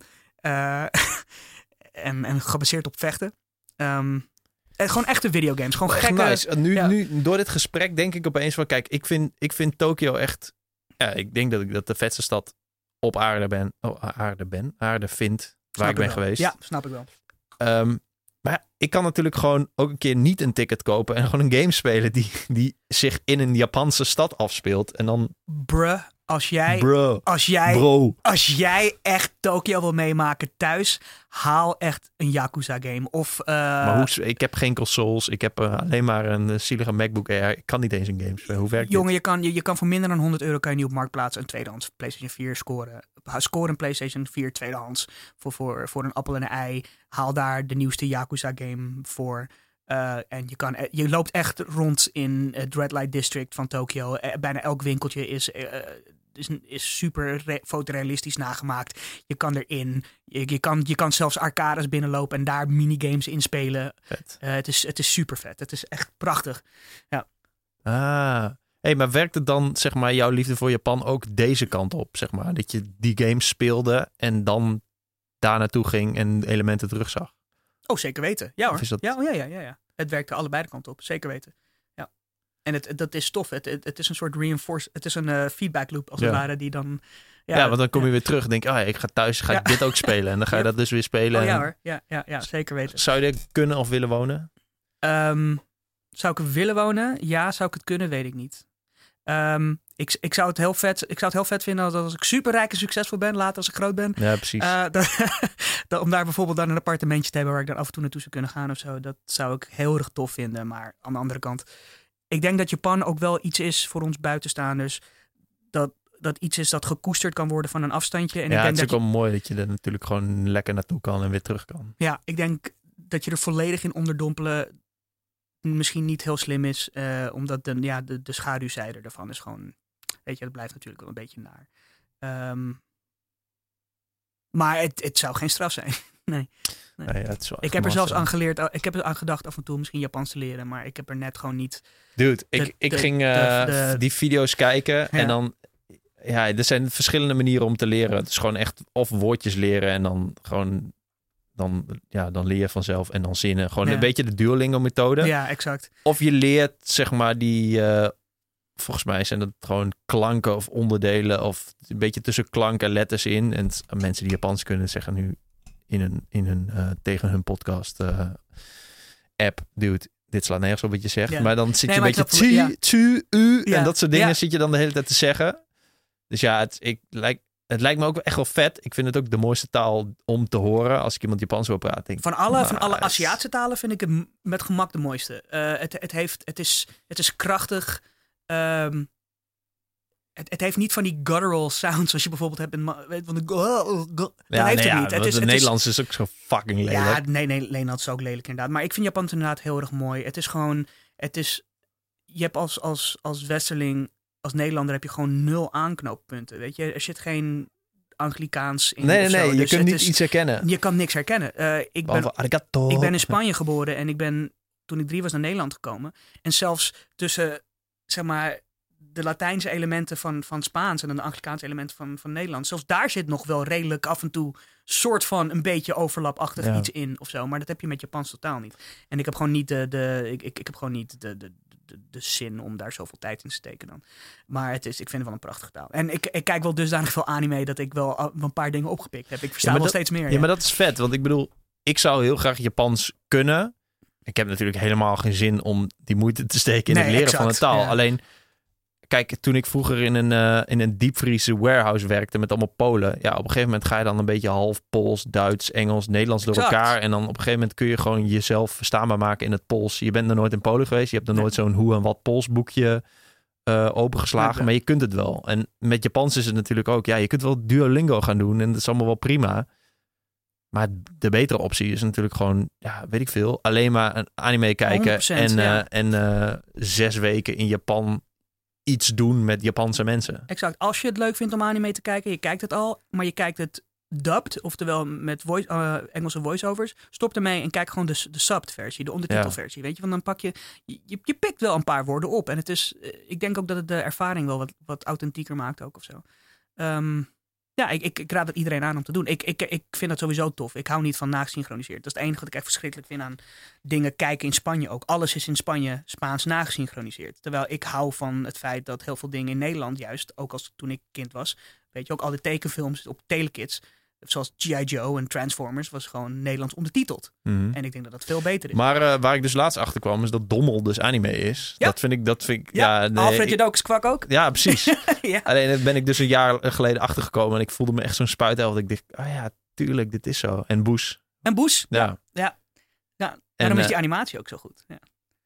Ja, maar dit, is- dit, is- ik, ik was wel echt een eye-opener voor me. Ik dacht, oh ja, tuurlijk, Oh ja, maar tuurlijk is ook, dit zo. Ja, maar ja. is er nog meer, behalve deze drie? Eh, van hele prominente tekenfilms die in Nederland werden geshowd, die anime bleek het zijn. Ehm, Of, ja, het was gewoon...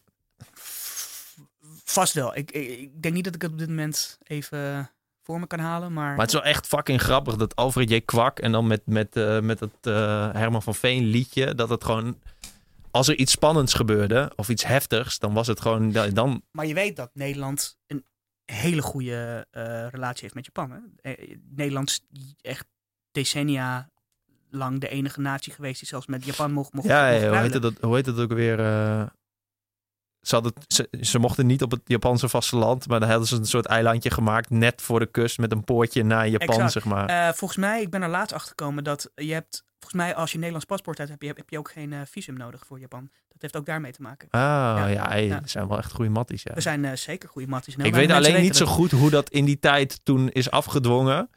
Maar in ieder geval hadden we wel het alleen recht. Oh ja, nee, daar, wij, eh, wij waren, zowel Nederlanders als Japanners waren toen harde motherfuckers hoor. Die, die waren, er waren geen lievertjes, nee. komt ook in de show notes hoe dat eilandje heette. Er is ook waarschijnlijk één iemand die luistert. Nou, misschien drie.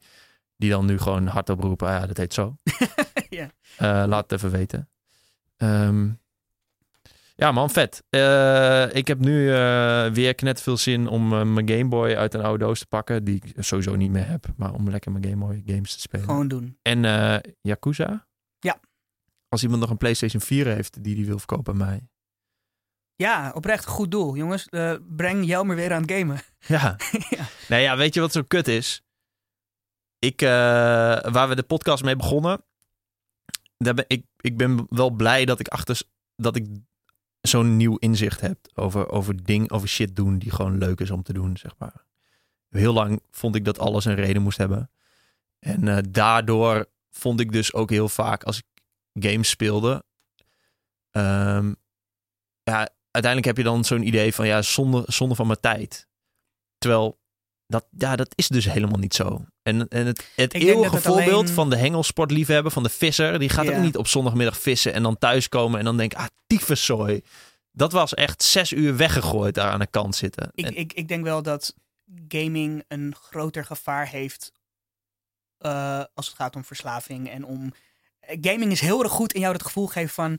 Oké, ik moet nu stoppen. Ik heb mezelf afgesproken om nu te stoppen. Maar nog even één leveltje. Of nog even één baas. ja, ja, dat, gaming dat heeft snap dat ik ook wel. Alleen je mag het daarom niet, zeg maar... Exact. Nee, exact. Je mag het niet demoniseren om die nee, reden. nee, precies. Eh, je, moet, je moet gewoon zelf sterk zijn en er goed mee omgaan. Ehm, maar ja, ja nee, ik, ik, ik denk dat je de, dat je de, de kern wel eh, hebt. Ja. Eh, met, met voetbalmanager was het natuurlijk ook zo. Want ja, ja, op een gegeven moment verloor je dan wel onterecht de Champions League finale. Want je had veel meer kansen. Maar die tegenstander, ja, je, dan verlies je gewoon 2-1, zeg maar. Ja, dat Ja. was wel gewoon echt, wel echt fucked up. Dus Ja. ik had daar, ik, ik- ja, het is niet zo dat ik eh met dingen ging gooien of zo. Maar eh, ja, ik vond het gewoon, vond het gewoon niet, niet tof. Maar dat is, dat is toch kunst, Jelmer, als het die emotionele reactie bij jou Dat is fucking goed. Eh, Ik vond het mooi Ja. dat je dat in het begin zei, dat het, dat het een kunstvorm is. Ik had daar nog helemaal niet zo naar gekeken. Behalve bijvoorbeeld toen ik eh, een van mijn favoriete games, The Curse of Monkey Island. Oh, goeie. Dat is een hele mooie. eh, ja. Toen ik dat speelde, dacht ik wel, Is dat de derde? Is dat die point-and-click versie? ja, Ja. eh, je, het is allemaal fucking mooi getekend. Het is, Zo, ja. het is gewoon een soort, soort strip, maar dan in een gamevorm. En, en de puzzels zijn ook zo tunderlastig. Zo, maar wat heb ik daar vaak last geze- of, eh, vaak last ge- maar ook goed. Ja. En de soundtrack vind ik echt master ook. Die eh, op een gegeven moment. speelt- Guybrush Threepwood. Ja, Ja. maar ook alle grappen en alle references naar gewoon hedendaags, zeg maar. Ja. Het, het, is, het is ongekend hoe goed dat in elkaar zit. De writing van de Monkey Island games is altijd echt top-notch geweest. Ja. Ja. Ja. en, en daar hebben we het natuurlijk ook al over gehad. Dat op een gegeven moment kwam dan die volgende versie. Volgens mij nog niet die versie daarna, maar die daar weer na. En dat alles 3D werd. Ja. Ja, dat is, dus, dat is dan Ja. gewoon kut. Ja. Terwijl, Ja.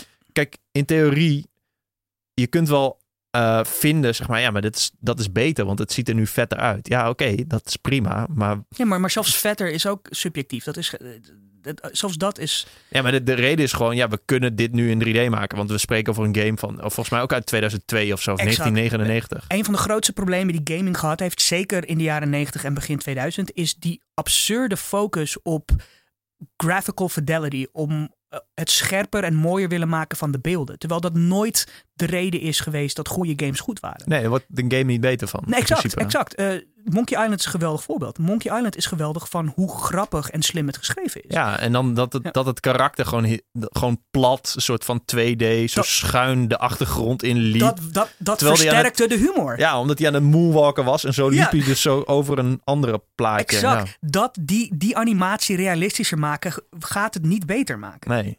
Ja, liever heb je gewoon die game en dan gewoon, zeg maar, precies zoals het eruit ziet. En dan gewoon, ja, een, een nieuw avontuur, zeg maar. Exact, exact. Maar ja, hè, eh, gaming, ik bedoel, uiteindelijk doen mensen wat verkoopt. En helaas, wat heel vaak ver- verkocht, waren de, de hype-beloftes, de praatjes omtrent hoe mooi iets eruit zag. Niet hoe goed het speelde. Nee, precies. Omdat je, maar dat kun je ook beter uitleggen. Want je hebt zeg maar, Exact, dat kan je met cijfers aantonen. net De- zoals de- waarom mensen een nieuwe iPhone kopen. Omdat je gewoon, je hebt de, de huidige en dan de nieuwe heeft wat de huidige heeft. Maar dan, Die heeft zoveel megapixel en zo. Exact. Ik bedoel, de PlayStation was 32-bit, maar de Nintendo 64 was 64-bit. ja. Maar niemand die jou kon uitleggen wat bits precies inhield op dat, in die context. Nee, Niemand. nee, precies. Voor Ja, een game, zeg maar. exact. Eh, weet je, ja, het, het sloeg nergens op. Het sloeg echt nergens op. Is dat ook de reden waarom, behalve gewoon eh good old nostalgie, dat mensen gewoon oude games blijven spelen? Ik bedoel, het kan best zijn dat, dat in 1989 iemand gewoon knettergoed een game kon maken. Gewoon het beste een game kon maken met de, de methode die hij toen had. Helemaal waar. Dit is ook waarom ik eerder in de podcast indie games noemde. Dat is nu weer aan terugkomen in de vorm van nieuwe games. Die de simpliciteit en de, de kunstzinnigheid en de, de, gewoon de intimiteit hebben van die oude games. Ehm, en die kan je gewoon ook spelen op je super PlayStation 4 Pro. Die super gecompliceerde 3D-beelden kan eh, afspelen. Die, daar kun je dus ook gewoon hele simpele pixelige games op spelen die gemaakt zijn door twee mensen. Ja. En dat zijn bijvoorbeeld indie games van 5 euro. Een paar van de beste games van de afgelopen generatie waren voor mij indie games. Zoals Hotline Miami of Spelunky. Dat waren gewoon relatief simpele, uitziende, blokkerige games. Maar ze speelden heerlijk en het, het, het deed me echt denken aan, aan 15 jaar geleden. Ja. Ja. Is dat, is dat eh, de reden van het succes van Minecraft? Of is dat gewoon... Ook. Ook. Eh, Minecraft is ook gewoon. En Flappy eerste Bird. Een, eh, bij Flappy Bird zit zeker de, de toegankelijkheid en de simpliciteit. Gecombineerd met de overduidelijke moeilijkheidsgraad. Dus iedereen zag, iedereen zag dat het moeilijk was, maar iedereen dacht ook meteen van oké, dus ik kan er beter in worden. Ja, precies. Maar, je kunt Flappy Bird kun je ook nu 3D maken. Want dan is het beter. Nou, nee. Nee, ja, maar precies. Maar, dat is het Ja, dus. je snapt het. Ehm, eh, en eh, bij Minecraft is wel een grappig voorbeeld. Want dat is wel een van die weinige games waarvan je wel echt kan zeggen... oké, dat was gewoon origineel. Dat was echt, dat, dat was een heel simpel, goed en nieuw idee. Mhm. Eh, het is Lego, maar dan gigantisch in een wereld met alles en, en eh, grondstoffen en zo. Ja. Het is echt een, een, een, een zandbak voor creativiteit, waarin je creativiteit kunt uiten. En dat goed, zie je niet veel in games. Toevallig Nintendo heeft het nu ook gedaan met Super Mario Maker, dat wat heel erg geliefd is. Ook gewoon een creativiteitsgame. Maar wat doe je daar dan? Je maakt je eigen Mario levels. En je krijgt en op een hele, op Ah. hele simpele, intuïtieve manier. Zoals een stuntsbaan. Ja, zeg exact. Nee, exact. Maar dan op, op hele intuïtieve, leuke manieren. Eh, die kan je meteen testen. Je kan ze delen met andere spelers. Ehm, maar ja, Minecraft die, die kickstartte wel een beetje die creativiteitsgolf. Ja, en daarom is het nog steeds zo'n populair, eh, populaire game. Ik, ik heb het geprobeerd, het is niet voor mij. Ik wil juist dat andere mensen creatief, creatief zijn, zodat ik leuke Ja, hindernisbanen heb. Snap het. Ehm, maar ik vind het vet dat het mensen die middelen heeft gegeven. Ja. Waarom nog heel eventjes, voordat we gaan afronden, wil ik het hebben over... Je hebt volgens mij de... Volgens mij was het de Switch die nu weer, weer iets gaat proberen op het gebied van fitness. Ja. Waarom werkt dat eigenlijk nooit? Eh, eh, definieer het werkt nooit. Nou, eh, er zijn veel mensen die doen aan fitness en heel veel mensen die houden van bewegen. Er zijn heel veel mensen die vinden het moeilijk om te gaan bewegen. Nou ja, wat jij zegt, je, je hebt je tv en je hebt je console. Je kunt het pakken en eigenlijk kun je bezig. Ja. In theorie is dit een hele laagdrempelige manier met wat je net zei, heel, heel steeds dopamine shots om te gaan bewegen. In mijn hoofd heb ik ook zoiets van ja, ik wil niet zware dingen optillen in een gym. Ik wil gewoon aangesloten worden op een machine met een VR-bril, weet ik veel wat. En monsters verslaan en daar ook echt heel veel kracht voor nodig hebben. Gewoon fysieke kracht en niet, niet dat Ja, in de game, zeg ja, maar. Ja, ja. Het bestaat niet. Het, het, het is gewoon...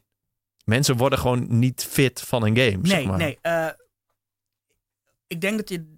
Eh, toevallig, Nintendo heeft het eerder geprobeerd met een paar redelijk succesvolle titels, eh, genaamd Wii Fit. Ja. Op de Wii had je zo'n soort plankbordding waar je op moest staan. En die voelde dan de druk van je voeten. En dan moest je Ja, dan precies. yoga dingen doen. Hey, je Eh, kon bowlen en tennissen. en je kan ook een dingen. beetje bowlen en Ja. tennissen. Maar waarom ik denk dat deze poging iets succesvoller gaat worden, is omdat Nintendo heeft nu een dingetje gemaakt, een accessoire, waar daadwerkelijk een echte game omheen gebouwd zit. Die game die erbij komt, eh, het heet Ring Fit Adventures, als ik het goed zeg uit mijn hoofd. Eh, die ring die je gebruikt, dat is echt iets wat je gebruikt om dat avontuur mee te voltooien. Om tegen monsters te vechten, om door, het, om door een, een, won- een wonderbaarlijk land te lopen. Het is Mhm. het, is, het zijn geen minigames zoals bowlen, dat, dat je één handeling doet. Het is echt een volledige game met volledige mechanics. Ja, ja, precies. Dus Ehm, Denk ik dat mensen er fit van gaan worden? Nee, maar ik denk ook niet dat het het doel is. Ik denk dat ik, ik gebruik graag de Papa Roach vergelijking. Papa Roach is een rockband en bij MTV zeiden ze van hadden ze een keer een interview en toen zeiden ze zo van ja, maar jullie begrijpen ons verkeerd. Wij hebben geen illusie over de kwaliteit van onze muziek. Wij zijn echt niet de volgende Iron Maiden. Maar dat hoeven we ook niet te zijn. Wij zijn de, de, hoe noem je dat, de gateway drug. Als wij ervoor kunnen zorgen dat een paar tieners niet meer naar Backstreet Boys of, of Justin Bieber luisteren, maar naar ons luisteren en daardoor dingen ontdekken zoals Slayer en Iron Maiden, dan heb, is onze missie volbracht. En ik denk dat dat is wat Ring Fit Adventures wil doen. Ehm, ik denk dat Nintendo die game wil gebruiken om mensen te laten zien van, oh, er is ook een hele fitnesswereld die leuker is dan jij misschien denkt. Mm. En daarbij doe je soortgelijke oefeningen, maar dan iets meer hardcore. Maar je krijgt dan ook meer hardcore resultaten. Ik, Ja. denk, eh, ik denk dat Nintendo puur een introductie wil zijn aan een hele andere wereld. Die volledig buiten game, gaming lijkt te staan. Of, ja, oké. Maar wat willen ze dan precies introduceren? Gewoon de fitness. De, de, de fitness, de, de, de bevrediging die je kan voelen van moeite doen met je lichaam. Ja, ja. ja, op die manier. En dat in die game koppelen ze dat aan. De bevrediging die je normaal herkent van een vijand verslaan. En, de- en Mhm. daar een beloning voor krijgen. Je moet dus echt bijvoorbeeld squats doen met die ring tussen je benen bijvoorbeeld. Ah, om, ja, bepa- om bepaalde super, super aanvallen uit te voeren. Dus als je, met, als je die fysieke moeite weet te koppelen aan die dopamine hit, weet je, dan kan, Ja. ik denk oprecht dat dat kan werken. Ja, ik, in, in, eh, wat ik net eh, in het begin zei, in, in, volgens mij, ik heb ook nog steeds een soort van droom of visie of idee dat dat, als het goed werkt, dan, dan is het zoveel beter dan naar de gym gaan. Omdat je, als je de hele tijd feedback krijgt van een scherm of van een monster, en dan als je een monster verslaat, er nog één, dan ga je echt wel door je verzuring heen, op welke manier dat Oh, dan ook hebt. Exact, In plaats van naar de gym, dat je denkt van ja, waar doe ik dit voor eigenlijk? exact, zeg maar. exact. Ik doe het al de helft van mijn leven. En, en En dat komt omdat als je naar de gym gaat, dan zijn de oefeningen zijn het doel. Maar als je dat weet te koppelen iets Ja. leuks, dan zijn de oefening de mechanic. Dat is het middel dan. ja, Je moet het doel iets anders maken. Je Ja. moet het doel. Daarom, ik, ik heb af en toe. Ik, ik ga niet meer echt veel naar de gym, want ik vind het gewoon echt niet leuk meer. Maar ehm, de keer dat ik naar de gym ben geweest, merkte ik van: oké, ik hou van het resultaat, maar ik vind het proces naar. Ik, Ja. de, ik, verzuring is geen fijn gevoel. Terwijl als ik op de fiets zit en ik wil bijvoorbeeld door dat stoplicht heen rijden voordat op rood springt. Ik fiets zo hard, jongeren. Ik fiets door die verzuring heen. Want Ja. mijn doel is dan verschoven. Ja, mijn doel precies. is niet, ik moet me goed voelen, maar mijn doel is, ik wil niet wachten. ja. En dat is wat die videogame gaat doen. Die verschuift het doel naar, eh, ik moet een stomme oefening doen, naar, hey, je gaat iets vets meemaken. ja. Dus ja, je, dat is inderdaad Wel- wel de droom. Ik denk dat Nintendo misschien een eerste stap kan zetten hiermee. ja ik, ben, ik, hoop, ik hoop wel dat het soort van iets beter gaat zijn dan dat er al is. Ik hoop het ook. Hoewel natuurlijk bijvoorbeeld die, die in arcadehallen, die dansen shit. Yes, Dance Dance Revolution. Ja, dat werkt Ja. natuurlijk wel weer. Dat werkt heel goed. helemaal, Ja. helemaal fantastisch. Zo, speaking of Japan trouwens. eh, de laatste keer dat ik er was is ondertussen al drie jaar geleden. Eh, maar ik heb daar dansgames gezien in de arcades die hier nog lang niet uit zijn. En jongen, de technologie die daar gebruikt worden. Gewoon, je hebt bijvoorbeeld nu ehm, Let's Dance van Ubisoft. Voor bijvoorbeeld de Xbox en de, en de, en de Wii en zo. Ja. Maar ze hebben daar veel geavanceerdere versies van in Japan. En je kan echt de moeilijkste danspasjes doen. En het wordt allemaal geregistreerd. En nou, Maar met, met zo'n mat of met camera's of allebei? met, met camera's. Je hebt geen mat nodig. Je, Oh, ja, je, kan, ja. je moet gewoon voor die kast gaan staan. Je moet gewoon voor die kast gaan staan. En je moet gewoon, je krijgt op het scherm een beetje te zien wat je moet doen. Maar op de allerhoogste niveaus. Mensen zijn zo wat aan het breakdansen daar. Gewoon in die arcade. Het is prachtig om te zien. Ja, het is wel echt vet, ja. Ik, ik, ik weet nog, je hebt wel op YouTube een paar van die video's van ja, Japanse kids die helemaal hem gaan op zo'n op zo'n ding. Dat, ja, is wel is echt, geweldig. dat is wel echt vet. Het is prachtig. Eh, ik denk dat we er zijn, man. Ja, tof. We hebben anderhalf uur gepraat over gamen. Dat ging heel snel. Ja. Ja. Ik, eh, ik hoop dat mensen tot het einde zijn gebleven. Ik zou, het ook. ik zou het graag. eh, het was voor mij echt een onderwerp. Ja, wat ik zei. Ik game echt nooit meer. Ik vond het vroeger vet. Ik zie eh, jou voorbij komen op Twitter met allerlei game dingen. En ik, ik was er gewoon benieuwd naar. Ik hoop dat mensen tot het einde hebben geluisterd. Ik ben echt heel benieuwd of ze dit, dit soort shit interessant vonden. Dus eh laat ik neem het ze niet kwalijk als we halverwege zijn afgehaakt. Maar als ze tot het einde zijn gebleven, Nou, vind ik, ik het heel dope. Ik heb één keer een oproep gedaan eh, toen ik een drie uur lang had gepodcast met Guy de Roog. om als mensen tot het einde hadden geluisterd, even een bericht te ze. sturen. Shout-out. En ik heb heel veel berichten gehad toen. oh, wat vet. niet om, ja, wel om arrogant te doen trouwens. Ik heb een fantastische podcast. Nee, maar ja, nee, dat, dat, ik, ik stond er echt van te kijken. Hoe vaak eh, mensen en hoe lang, hoe lang, eh, hoe ver in de toekomst, zeg maar, na. Was Guy Droog ook niet de gast waar je de allereerste aflevering mee deed? Ook degene waar die over slaap praat? Nee, nee, dat was Paul Bosma. Oh, oké. Nee. Ja. Vond ik wel heel Ook cool. shout-out Paul Bosma, Ja. shout-out Guy, Guy de Roog. Ja, wel allebei toffe dudes. Ja. Ja. Ehm, voordat ik eh, Samuel ga bedanken, nog even een huishoudelijke mededeling. Ga naar petje.af eh, slash de Boer om deze podcast te supporten. Ik zit hier nu in de studio. Die studio moet ik gewoon huren. En eh, ik zou heel graag vaak willen podcasten. Maar dan moet ik ook dus vaak een podcaststudio huren. Dus eh, ja, als je iets kan missen, dan eh, zou het heel fijn zijn. Bedankt voor het luisteren. Samuel, heel erg bedankt. Bedankt dat ik er mocht zijn. Eh, ik heb heel veel geleerd en eh, ik ben eh, weer enthousiast geworden over Japan en ook over gamen. nou, mission accomplished. Dus we, gaan, we gaan het zien wanneer ik mijn eerste emotionele tweet post over Yakuza. Zo, echt. Ja, jongens, doneren uh, Jelmer een PS4. Gunnen die jongen. Yes. Oh ja, dat is wel een mooi doel trouwens. Misschien ga ik dat eh, aanpassen. Petje.af slash Jelmer de Boer. Nou, bedankt voor het luisteren en tot de volgende keer. Doei.